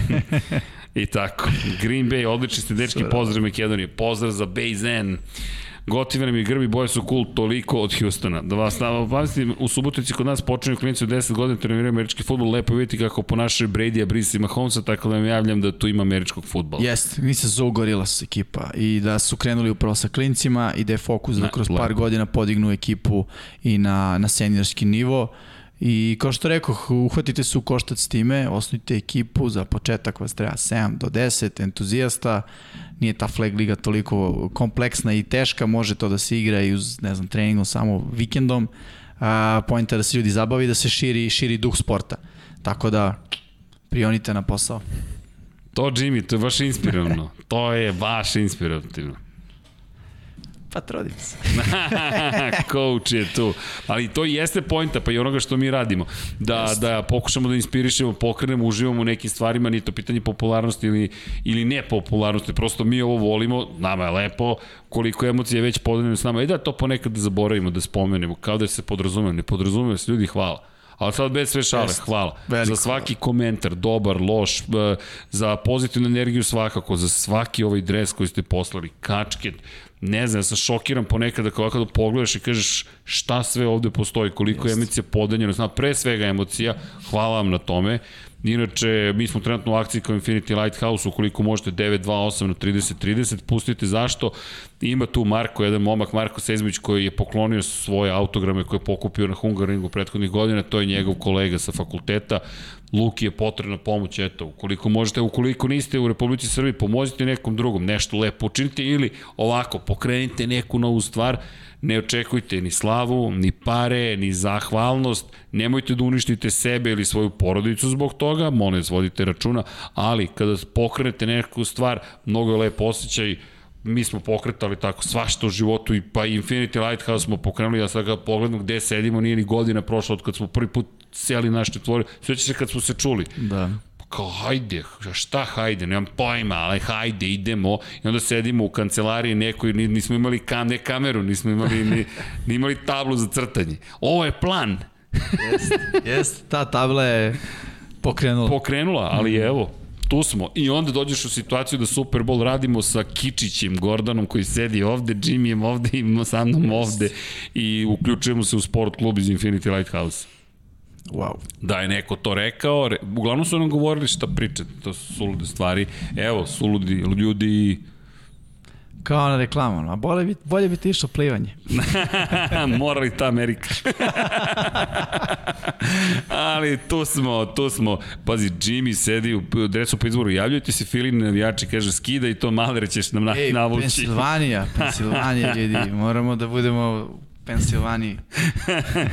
kaže ni James Harden ne navija za Houston. A, kaže Erceg i korektnost, ovo bi Miksa pročiteo lagano. Vrlo verovatno. E, tako je. Evo, tu je i Marko, pozdrav za Marka. Jim ima najlepši dres na svetu, e, jer to je iskupljenje za pocenjivanje Steelersa prošle nedelje. Ne, ovo je troj pola malo da, pre svih, ali i jedan doprinos e, mog druga Aleksa koji mi je dao ovaj dres. Čekao sam ga da se vrati iz inostranstva, vratio se, proče preko po garaži i rekao je, evo ga, Tako da hvala Alex za dres, e, ostaje ovde da, da krasi ovu našu zbirku, zbirku dresova. I, I dobili smo Vilija Parkera kao prvi dres Pittsburgha. Pošto neki ekipa imao više dresova, evo će biti da, drugi, drugi za, dres. za Steelers-e. Pretpostavljam da to ima veze sa popularnošću prve ekipa koje smo, koje smo pominjali. Tako da što više dresova vaših ekipa, to veći, veći je. znak da, da se prate. Ali vidi, Vanja se razbole, Dom Pablo je prošarao ceo studio. Znači, novi dresovi na novim pozicijama. Oteli smo Vanji studio. Vratio se i krenuo da namešta kameru i mi ga gledamo. Šta, šta rad, ne razumem. Ti si sada na prinudnom odmoru i tako dalje. Kaže da staviš periku bojan sa kosom kada već imaš dres pola malo. Da, da, da, to i head and shoulders. Ili kap. E vidi ga Kem. Da. da, ok, ima neko neko pitanje za nas. Pitanje za Jimmy je, da li si igrao protiv ekipe iz Kraljeva? E, davno baš, davno, da. Jesam, tad smo čak igrali bez opreme. Da, e, no, mislim, znam šta bih još rekao, bila je, to je bila sezona kad si igrao neki, nisi igrala liga, mislim da je 2005. u pitanju. Uh, ja mislim. Igrao si to za kupu te godine i moja ekipa to osvojila ili to bilo ranije 2003. Nije ni bitno. U svakom slučaju igrali smo bez opreme tada i ekipa Kraljeva imala je uvek dosta dobrih igrača i mislim da sada rade najbolji posao u Srbiji što se tiče omladinske škole, sve pohvale za, za uh, Royal Crownse. Tako se zove ekipa iz, iz Kraljeva, Kraljevske krune. A, Kraljevi. Da, pa kažem ti, baš su kreativni imena ekipa i meni je to jako, jako cool i ovaj, rade fantastičan posao, mislim da su toliko uh, ušli u, u škole, u školski sistem, da ono, kapa dole za, za to i da su, evo Don Pablo daje podršku, uh, da su ovaj, uh, bukvalno postali ono sastavni deo školskog uh, osnovnog, to je programa osnovnih škola u, u Kraljevu. Pratim ih na Instagramu šta, šta rade i, i eto da kažem sad i javno želim da kažem bravo ljudi, svaka čast, odlično. Jedina, da kažem, mana ne samo Kraljeva, već i klubova koji su u gradima koji nemaju univerzitete, što momci kad dođu do tog nekog univerzitetskog doba, obično se onda sele geografski i onda nažalost tada napuštaju ekipe i te ekipe dosta muče muku sa time da ostanu kvalitetni igrači preko neke 18. godine kad zapravo treba da budu nosioci igre u, u svojim ekipama. To je to je neki od problema koji malo prevazilazi do, domet uh, sporta koji je amaterski, jer prosto ljudi moraju da misle o, o svojoj budućnosti. Bilo je tu raznih pokušaja i, ko što rekao, dosta dobrih igrača je izašlo iz ekipe Kraljeva i sad rade fantastičan posao, stvarno imaju, ja mislim, najveći broj klinaca, baš rade sa ono uzrastom, čini mi se, uh, od možda nekog trećeg, četvrtog razreda pa najviše, fokus osnovna škola i vidim da i to ide baš, baš dobro, tako da onako kraljevski to rade. Uh, Nikola Nedić piće, mom momci, recite mi samo da znam da li im je stigao dres iz Liona. Poslao sam baš dres Steelersa preko tri nedelje, samo me zanima da li je stigao ako dres. Ako je ovaj, je li Willi Parker to nije? E, jel, ako je dres Willija Parkera, onda je stigao. Ali stigao je pre, da, pre mes dana taj dres. Misliš? Da, Tako? čekaj, da, Sad me, već, sad me već brine, a, ukoliko nije stiglo. Nikola, ajde, samo ako Nikola možete da nam kažete koji je konkretno dres u pitanju. Inače, dok čekam odgovor, pošto imamo malo buffering, namerno, da, zbog YouTube-a, zbog interneta, zbog svega. Inače, stiže nam bonding router zajedno sa load balancerom. Ako neće oni, Jimmy je prokomentar, ok, za one koji ne znaju, load balancer, ako ništa drugo, imat ćemo internet load balancer, pa tri veze u isto vreme, pa će onda bira koja je funkcionalna. Bonding router postoji na nivou Restream.io, makar mi spekulišemo da virtualni private, private, virtual private server to obavlja, bonding radi, vidjet ćemo da li baš to tako će da funkcioniše, ali za sada držimo se. Ne, žuto-crni dres 11. Nikola, mm, pišite nam Ni Možda može da proveri status pošiljke, ne, ne znam kako Da li imate neko praćenje, da, pošiljke, e, mi ćemo, ostavi infinitylighthouse.com je e-mail, pa, o, pa dobro, ako kada ga napišem e-mail, baš i neće se pojaviti, ali pišite nam ako možete na 99 yardi.infinitylighthouse.com pa da vidimo šta se događa, baš mi je žao, ali to je, da, postoji opasnost kada je reč. Svetogorska 46 Infinity Lighthouse. Da. Za sada smo uglavnom, makar mi verujemo da smo većinu stvari bi sve dobili, ali pre svega hvala. Hvala da se ne izvinjamo, ali žao nam je, nadamo se, ali sad ćemo mi da se potrudimo da vidimo da li to možemo neko da saznamo. Ako možete, pošaljite nam ili informacije preko koga ste slali, pa ćemo i mi da uradimo s naše strane, strane, strane šta je moguće. Hvala. Ali zaista hvala, potpuno neverovatno. E, kaže, Srki je popio 10 energetskih pića, vidi se u prenosima FN kada je bitka Hamilton vs. Verstappen. E, ne, to je prirodno stanje stvari, ali, ali da, tako to može Čuo da se sam da je Mercedes bio posmatra. spor. Kako? Čuo sam da je Mercedes bio spor. A, dobro to sad, znaš, nikad se ne zna. To je uvek, e, ovde, ovde, ovde pratioci Formula 1 reaguju, niko im ne veruje, pazi Vanja, znaš i sam kako to funkcioniše s Mercedesom. Inače, lepo pitanje, to smo zaboravili da spomenemo, a važno je da spomenemo. Uh, Filip Krstić pita da li smo videli zvest za sina Grega Olsena. To je uh mhm. -huh. ozbiljna priča, TJ Olsen, njegov osmogodišnji sin, je, našli su donatora za srce i biće obavljena transplantacija srca. Radi se o, prema onome što je Olson napisao, je da je dan pomešanih emo, emocija. Prosto donator znači da neko nije preživeo. Ali istovremeno njegov sin će, to je njegove supruge i njegove, njegov sin će dobiti srce i nadamo se da će sve to proći kako treba. Rekao je da, da je to dan koji su čekali, i da, se, da, da traži da se svi pomole što TJ-u, što nevjerojatnom timu doktora i lekara i medicinskih sestara i braće i rekao da ih čeka još uvek duga, pa duga jel te bitka, pa sve okej. Okay ali iz dubine srca se zahvaljujem svim. Bar sam nasmeo Dom Pabla, najzad, čekaj, bar sam nasmeo Dom Pabla, ovo nije očekivao, blindsided, tako je, ko je naj, najbolji blindside komičar? Vanja. Elem, i kaže, bližimo se kraju, posle 8 godina moći će normalnije da funkcioniše, imao je tri operacije na otvornom srcu, predivan jedan zaista borbeni duh, ali ono što je tu jeste meni fascinantno je kako je grad u kojem je igrao zapravo stao iza ovog čoveka i koliko se to ne zaboravlja 9 godina je proveo zapravo u, u, u Karolini i to jest u, u Šarlotu i ti kada pogledaš stali su iza njega. Inače Olsen je napravio fondaciju za zadužbinu koja se zove Hardest Yard program. Tako da se i on trudi da pomogne. To, to je ono što uvek vidimo. Desi se prosto nešto na nekom ličnom nivou to se pretvori nešto više od toga. Tako da hvala Filipe na skretanju pažnje na to. Da Svetski misterije, Jimmy, računice, rankinga, Srkijeve, objašnjenja interneta i crne rupe. Tako je Leklere Jovanović, zato ste do 99 yardi. Svega toga da. crna rupa je najistraženija.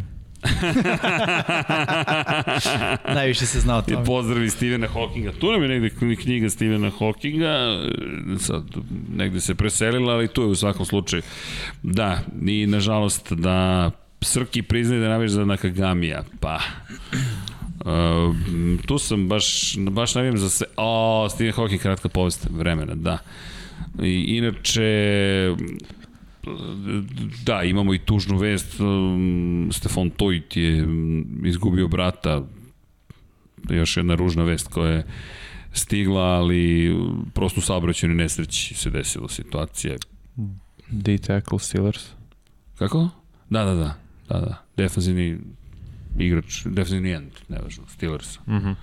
I, eto, nažalost, to je, to je deo tih nekih priča koje ne volimo, ali da, moramo i to da prenesemo. I tako. A krenuli su priče, ja vidim ovde u MotoGP-u, koliko ja, koliko Ne. ja vidim, ali vreme je polako li sigurno da, da se Pozdrav legenda, može link do kombajn snimka, ne mogu nikako, do, ne, kombajn, kombajn, terujem ovde mlađe kolege, alo bre, Erce guđi 21. vek, okej. Mislim, može i kombajn, ali to nismo snimali. ja sam i bio na kombajnu, e, znaš ti šta su zaperke? Kako? Zaperke.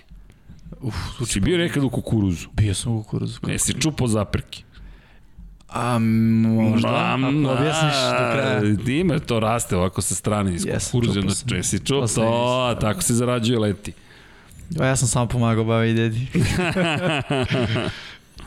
Čekaj, gde nam je zaista 99 yardi, pregled free agency-a, bris u penziji, sam ja predaleko, dobrodošli u draft mesec, Tu smo. Tu smo, Toplo. čekaj, Edelman ide u penziju, Toplo. trkačka groznica iza nas, 27 evo ga, molim vas, stiže vam, evo, za sve koji nisu pratili, tapa, evo, izvolite, pa uživajte, I odmah uz to link mog highlighta.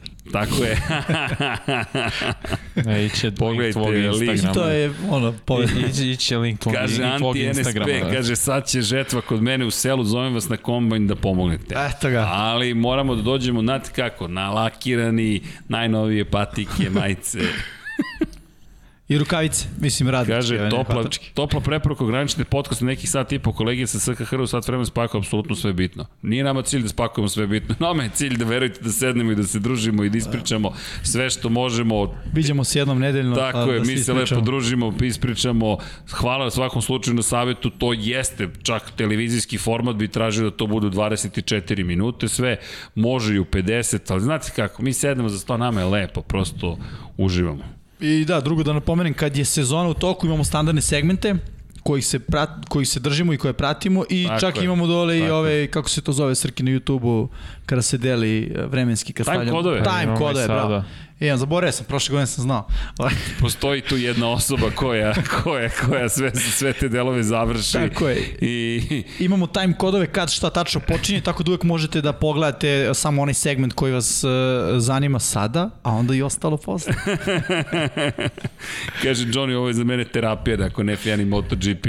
Ja sam onda na terapiji od terapije, zato što je meni sve to terapija. Upravo ja ljudi u ovome uživam, meni lepo, ja sa mojim prijateljima sedimo u studiju i pričamo i zabavljamo se i manje više. Pričamo o stvarima koje volimo. Pazi, Tako, NFL, pazi. ali i još toga. I još se trudimo da budemo ozbiljni. Kakav je bio Vale? Da, nije bio dobar. 19. Bol. Pa da, ali vidi, nije loše krenulo ujutro, ali kasnije je bilo da malo tu. Biće bolje sutra.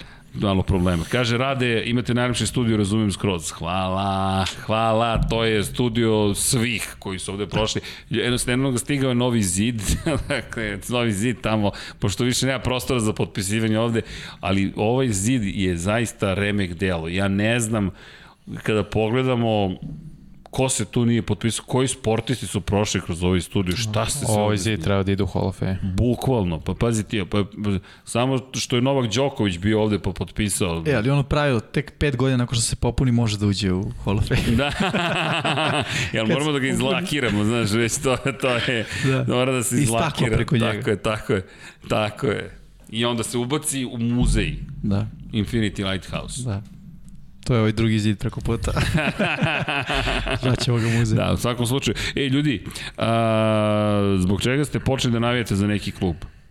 Da, to smo već i odgovarali. Da, ja ću da, Da. objasnim moj, moj slučaj, a čini mi se da je to neka formula na ovim prostorima, možda i nije, ali prvi meč koji sam gledao bili su Eaglesi protiv Dallasa, Eaglesi su pobedili u nekom ono šoker završetku, ja i brat smo gledali i to je bio ono kao znak wow, dobar meč, dobra ekipa, onda posle toga se pita šta su radili sledeće nedelje, pa ti kao bude krivo kad izgube, poraduješ se kad dobiju i onda kako smo se ustalili sa gledanjem NFL utakmica, kad su bili Eaglesi, bili smo kao malo uzbuđeni, top, evo igraju opet ovi iz file i tako smo ovaj, postali fanovi. A inače ja sam posle toga, da kažem, širio fan bazu preko Meden igrice. Preko Medena. Super. Da, da, to je bilo ono, gledam. Volao sam, imao sam neku formulu kako biram ekipu s kojom ću da, da igram. Mora da ima dobrog safety-a, dobrog linebackera i u, u napadu dobrog trkača. Ti si ladno mogao da budeš fan Cowboysa zapravo da su pobedili taj dan. Mogu sam, tako je. Tako je. Realno. Ali sreća ipak prati hrabre. I Tomlinson, Ladanian Tomlinson i posle Maiden. Ja sam volao da gledam Manning, to je Colce zbog Manninga, Filu zbog Terrell Owensa, iz tih ekipa sam krao i sve stavljao u Chargers, tada to bi možda bila 2005. sezona. Da, evo komentar uh, NFL Srbije kaže pogledajte futbol, futbolers. Ej, super im je, evo sad sam pogledao YouTube kar, uh, studio, ali nije tako nama nastao studio. Ljudi, mi, mi nismo baš imali ideju kako će da nam izgleda studio. Ovo je zaista utice svih koji su ovde prošli. E, zapravo je Matke crtao prvi studio, čovek koji je producent and Go, a mi smo onda imali neke ideje kako da popunimo police, pa sam ja preselio manje više pola svoje kuće ovde, pa su onda drugi počeli da seljavaju svoje kuće ovde i na kraju smo došli od toga da ovde ima toliko vaših poklona i svega da se, da se, da se iz zid nije bio plan. Matke rekao, dajte ljudi da ubacimo cigle. Ba, ok, Matke, evo, stavit ćemo cigle. Tako da je to zaista delo velikog broja ljudi. Ne možemo da grešimo dušu da su to sve naše ideje. Naprotiv, niti to želimo. Ovo, svako je donio nešto. Vlada nam poklonio zastavu Liverpoolu. Neko pitao navete Liverpoolu. Ne, čovjek je rekao, volao bi da deo mo mene bude u studiju. Evo, tu je zastave smo doneli sa MotoGP-a Formula 1, pa onda neki sponzori su nam poslali potpisane kačkete, ne znam, Luisa Hamiltona, pa stigle tu je kaciga Valentina Rossi je potpisana, Jorge Lorenzo, svašta se tu nešto desilo, tako da nije, nije, nismo, ali, ali svaka slučajnost i slučajna bukvalno jeste, no, ako bismo pravili kopiju nečega, onda možemo se vratimo još u, ne znam, Wayne's World, kad su ljudi sedeli u podrumu. Više nismo u podrumu, ali bili smo čak i u podrumu, tako da hvala. I tako. Elem, da, kada pričamo o to, kako, ja samo kratko za džetce, meni publika glasala da navijem za džetce. Ti si bukvalno dobio džetce. Bukvalno sam. Strike za like. Šta to znači strike za like? Što biste strike? Strike, strike za like može udriti, ali nemojte da nas strajkujete na YouTube. To, to, to želimo da izbjegnemo. Elem, uh, drugari, vreme je polako da se odjavljamo. Evo, YouTube subscribe smo dobili Dom Pabla. Uh, imamo nešto da dodamo, osim da nam nedostaje miksa, ali on je da. negde, naći ćemo ga kod žara, ja bih rekao. Sad je da. taj, taj period noći kada to... Sutra njegova ekipa, uh, kadeti Vuko igraju ekipu, igraju ekipu, igraju utakmicu i ovaj, miksa mora da bude u karantinu s njima večeras. Naravno da nije, ali imaju neke sastanke i dogovore, tako da velika utakmica za njih sutra. Dobro, držimo im palčeve. Pa nadamo se da će nam Mikse doći raspoložen. Mada ne, sledećeg vikenda, da ljudi, sledećeg petka nećemo biti tu. Neki od nas će iskoristiti jedan slobodni vikend da pokušaju da odmore, da idu na stvarnu terapiju. Dom Pablo nam takođe nije tu, Miksa nam takođe nije tu, ali... Što duel Srki ti ja vidim. ne, ne, ne, samo, samo Vanja i ti ostajete zapravo. Oh. Okay. Znači, ukoliko možete sami da realizujete, producirate i uradite celu emisiju, ali nemojte, sačekajte svoje drugare, eto to da znate sledećeg petka, eto napravit ćemo malu pauzu i vjerojatno ćemo tokom leta malo imati manje, manje će mm. nas biti, prosto da, da iskoristimo, da budemo pune snage kada Pre dođe sezona, sezona. Da, tako da. je. Tako je, ima tu nekih ideja možda da se menja termin, ali polako vidjet ćemo. To si bi je pomenuo. Da, 19 H je neko spominjao. Neko od nas? Da. To sam ja. A, to si ti ja. ja sam čuo, ja sam te razumio kao da su to neki, rekao si uticaj sa strane, pa sam ja razmišljao. Ne, to je da direktno tvoj uticaj. Da, to jeste, to je moj predlog. Mislim, petak 19 je razmišljam, Bogu hvala, cijela ova situacija deluje da prolazi, da se malo mere Držimo palčeve. opuštaju i onda kad se mere opuštaju, ljudi se opuštaju petkom veče, što je sasvim legitimno i poželjno. I onda, znaš... Misliš onda... da se ne opuštaju s 99? Ne, ne, ne, ne mislim to, ali postoji jedan drugi način opuštanja koji sam siguran da ljudi češće biraju, obzirom da je petak veče, da je sutra subota, da ne moraš da ustaješ rano. u grad, pustiš 99 Ti misliš da se ne pušta u kafićima uveče? I taman se završe oko pola jedan. Ja ne znam, kad ste, kad ste vi izlazili, u, kad ste bili ne mladi? Koliko ja. Ja sam dalje mlad, hvala Bogu, ali ne izlazim ja. Prozivka. Pa u jedan se valjda izlazi, ne razumem. Pa, ne izlazi, Šta izlazi se u devet, šta? Pa, Pa sad da, zašto do 12 sve radi? pa i nije, pa, okej, i ja. nikad nisam izlazio kasno, ne, ne volim taj nightlife, generalno sam izla, ako izlazi idem do kafića i tako to. da si rastu. Kaže, ne možete da se skupiti u 21, kako ćete u 19? To je- to je Nikola, ta- to je realan veoma problem. dobar argument. To je najbolji argument do sada. Ne, ne, stvarno ni, ne volim da izlazim, to je tako prosto. Od, odbijaju me ti noćni klubovi, sve to, ne, ne privlače me uopšte, previše ljudi. Nisi bio u pravoj ekipi. Ja ne smijem do ništa da komentariš. Nije do toga. Pa možda. Nije, nije, nije, nije do toga, nego prosto mi se ne sviđa ta atmosfera i sve to. Ja kad nam poludiš sa 40 plus, kuku, Neće. kad dođe s crvenim Ferrarijem dole, kabrioletom, i jao, Već će doći neko i već Hondi suviše, suviše ili. Yamaha, ali dobro. Pa može i to, pazi, nije loše, ali dobro, vidjet ćeš zašto ljudi voze automobile u tim godinama. I tako. A, nadam se da ste uživali, ovde je ekipa koja jeste svakako uživala, Dom Pablo nam je ukasio klimu, počinjemo polako da se topimo, O, da. to je sve legitimno, dok ne dođe do 43 stepena Celzijusa nećemo međutim završiti, ali šalom stranu, ljudi, hvala još jednom za sve, kao što smo rekli, ukoliko možete, uradite nešto lepo, zabavno, kako god, svakako pratite NFL, pratite 99 yardi, ukoliko volite auto, motosport, eto, trkački vikend, bit će zabavno, pratite, pratite i Lab 76, ko voli kosmos, uskoro ćemo imati tamo nekih lepih vesti i tako, svašta nešto radimo. Da, naši drugari iz Taramounta su se takođe javili, tako da imamo spremno još neke izneđenje ko za one koje vole kola, ali to ćemo već od ponedeljka da se bavimo timi, timi, timi, ok, ponoć, evo te stigla je ponoć. Subota je po subota je, eto, vidiš da smo izvukli ponoć, tako da je sve u redu. Ipak 3 bez 3 sata, to nije 99 yardi, tako da, eto, ispunili smo, a ne, kasnije si ali mi smo počeli. Nema veze. Čujte, 2 sata i 56 minuta, ja mislim da je sasvim u redu. Zakružit ćemo 3. Tako je. I naravno, udrite like, pošaljite 928 na 30 30, pomozimo Luki svi zajedno ili bilo šta drugo da učinite, ali mi vam šaljemo puno ljubavi odavde iz studija na kraju univerzuma i naravno veliki pozdrav sve vas i ćao svima!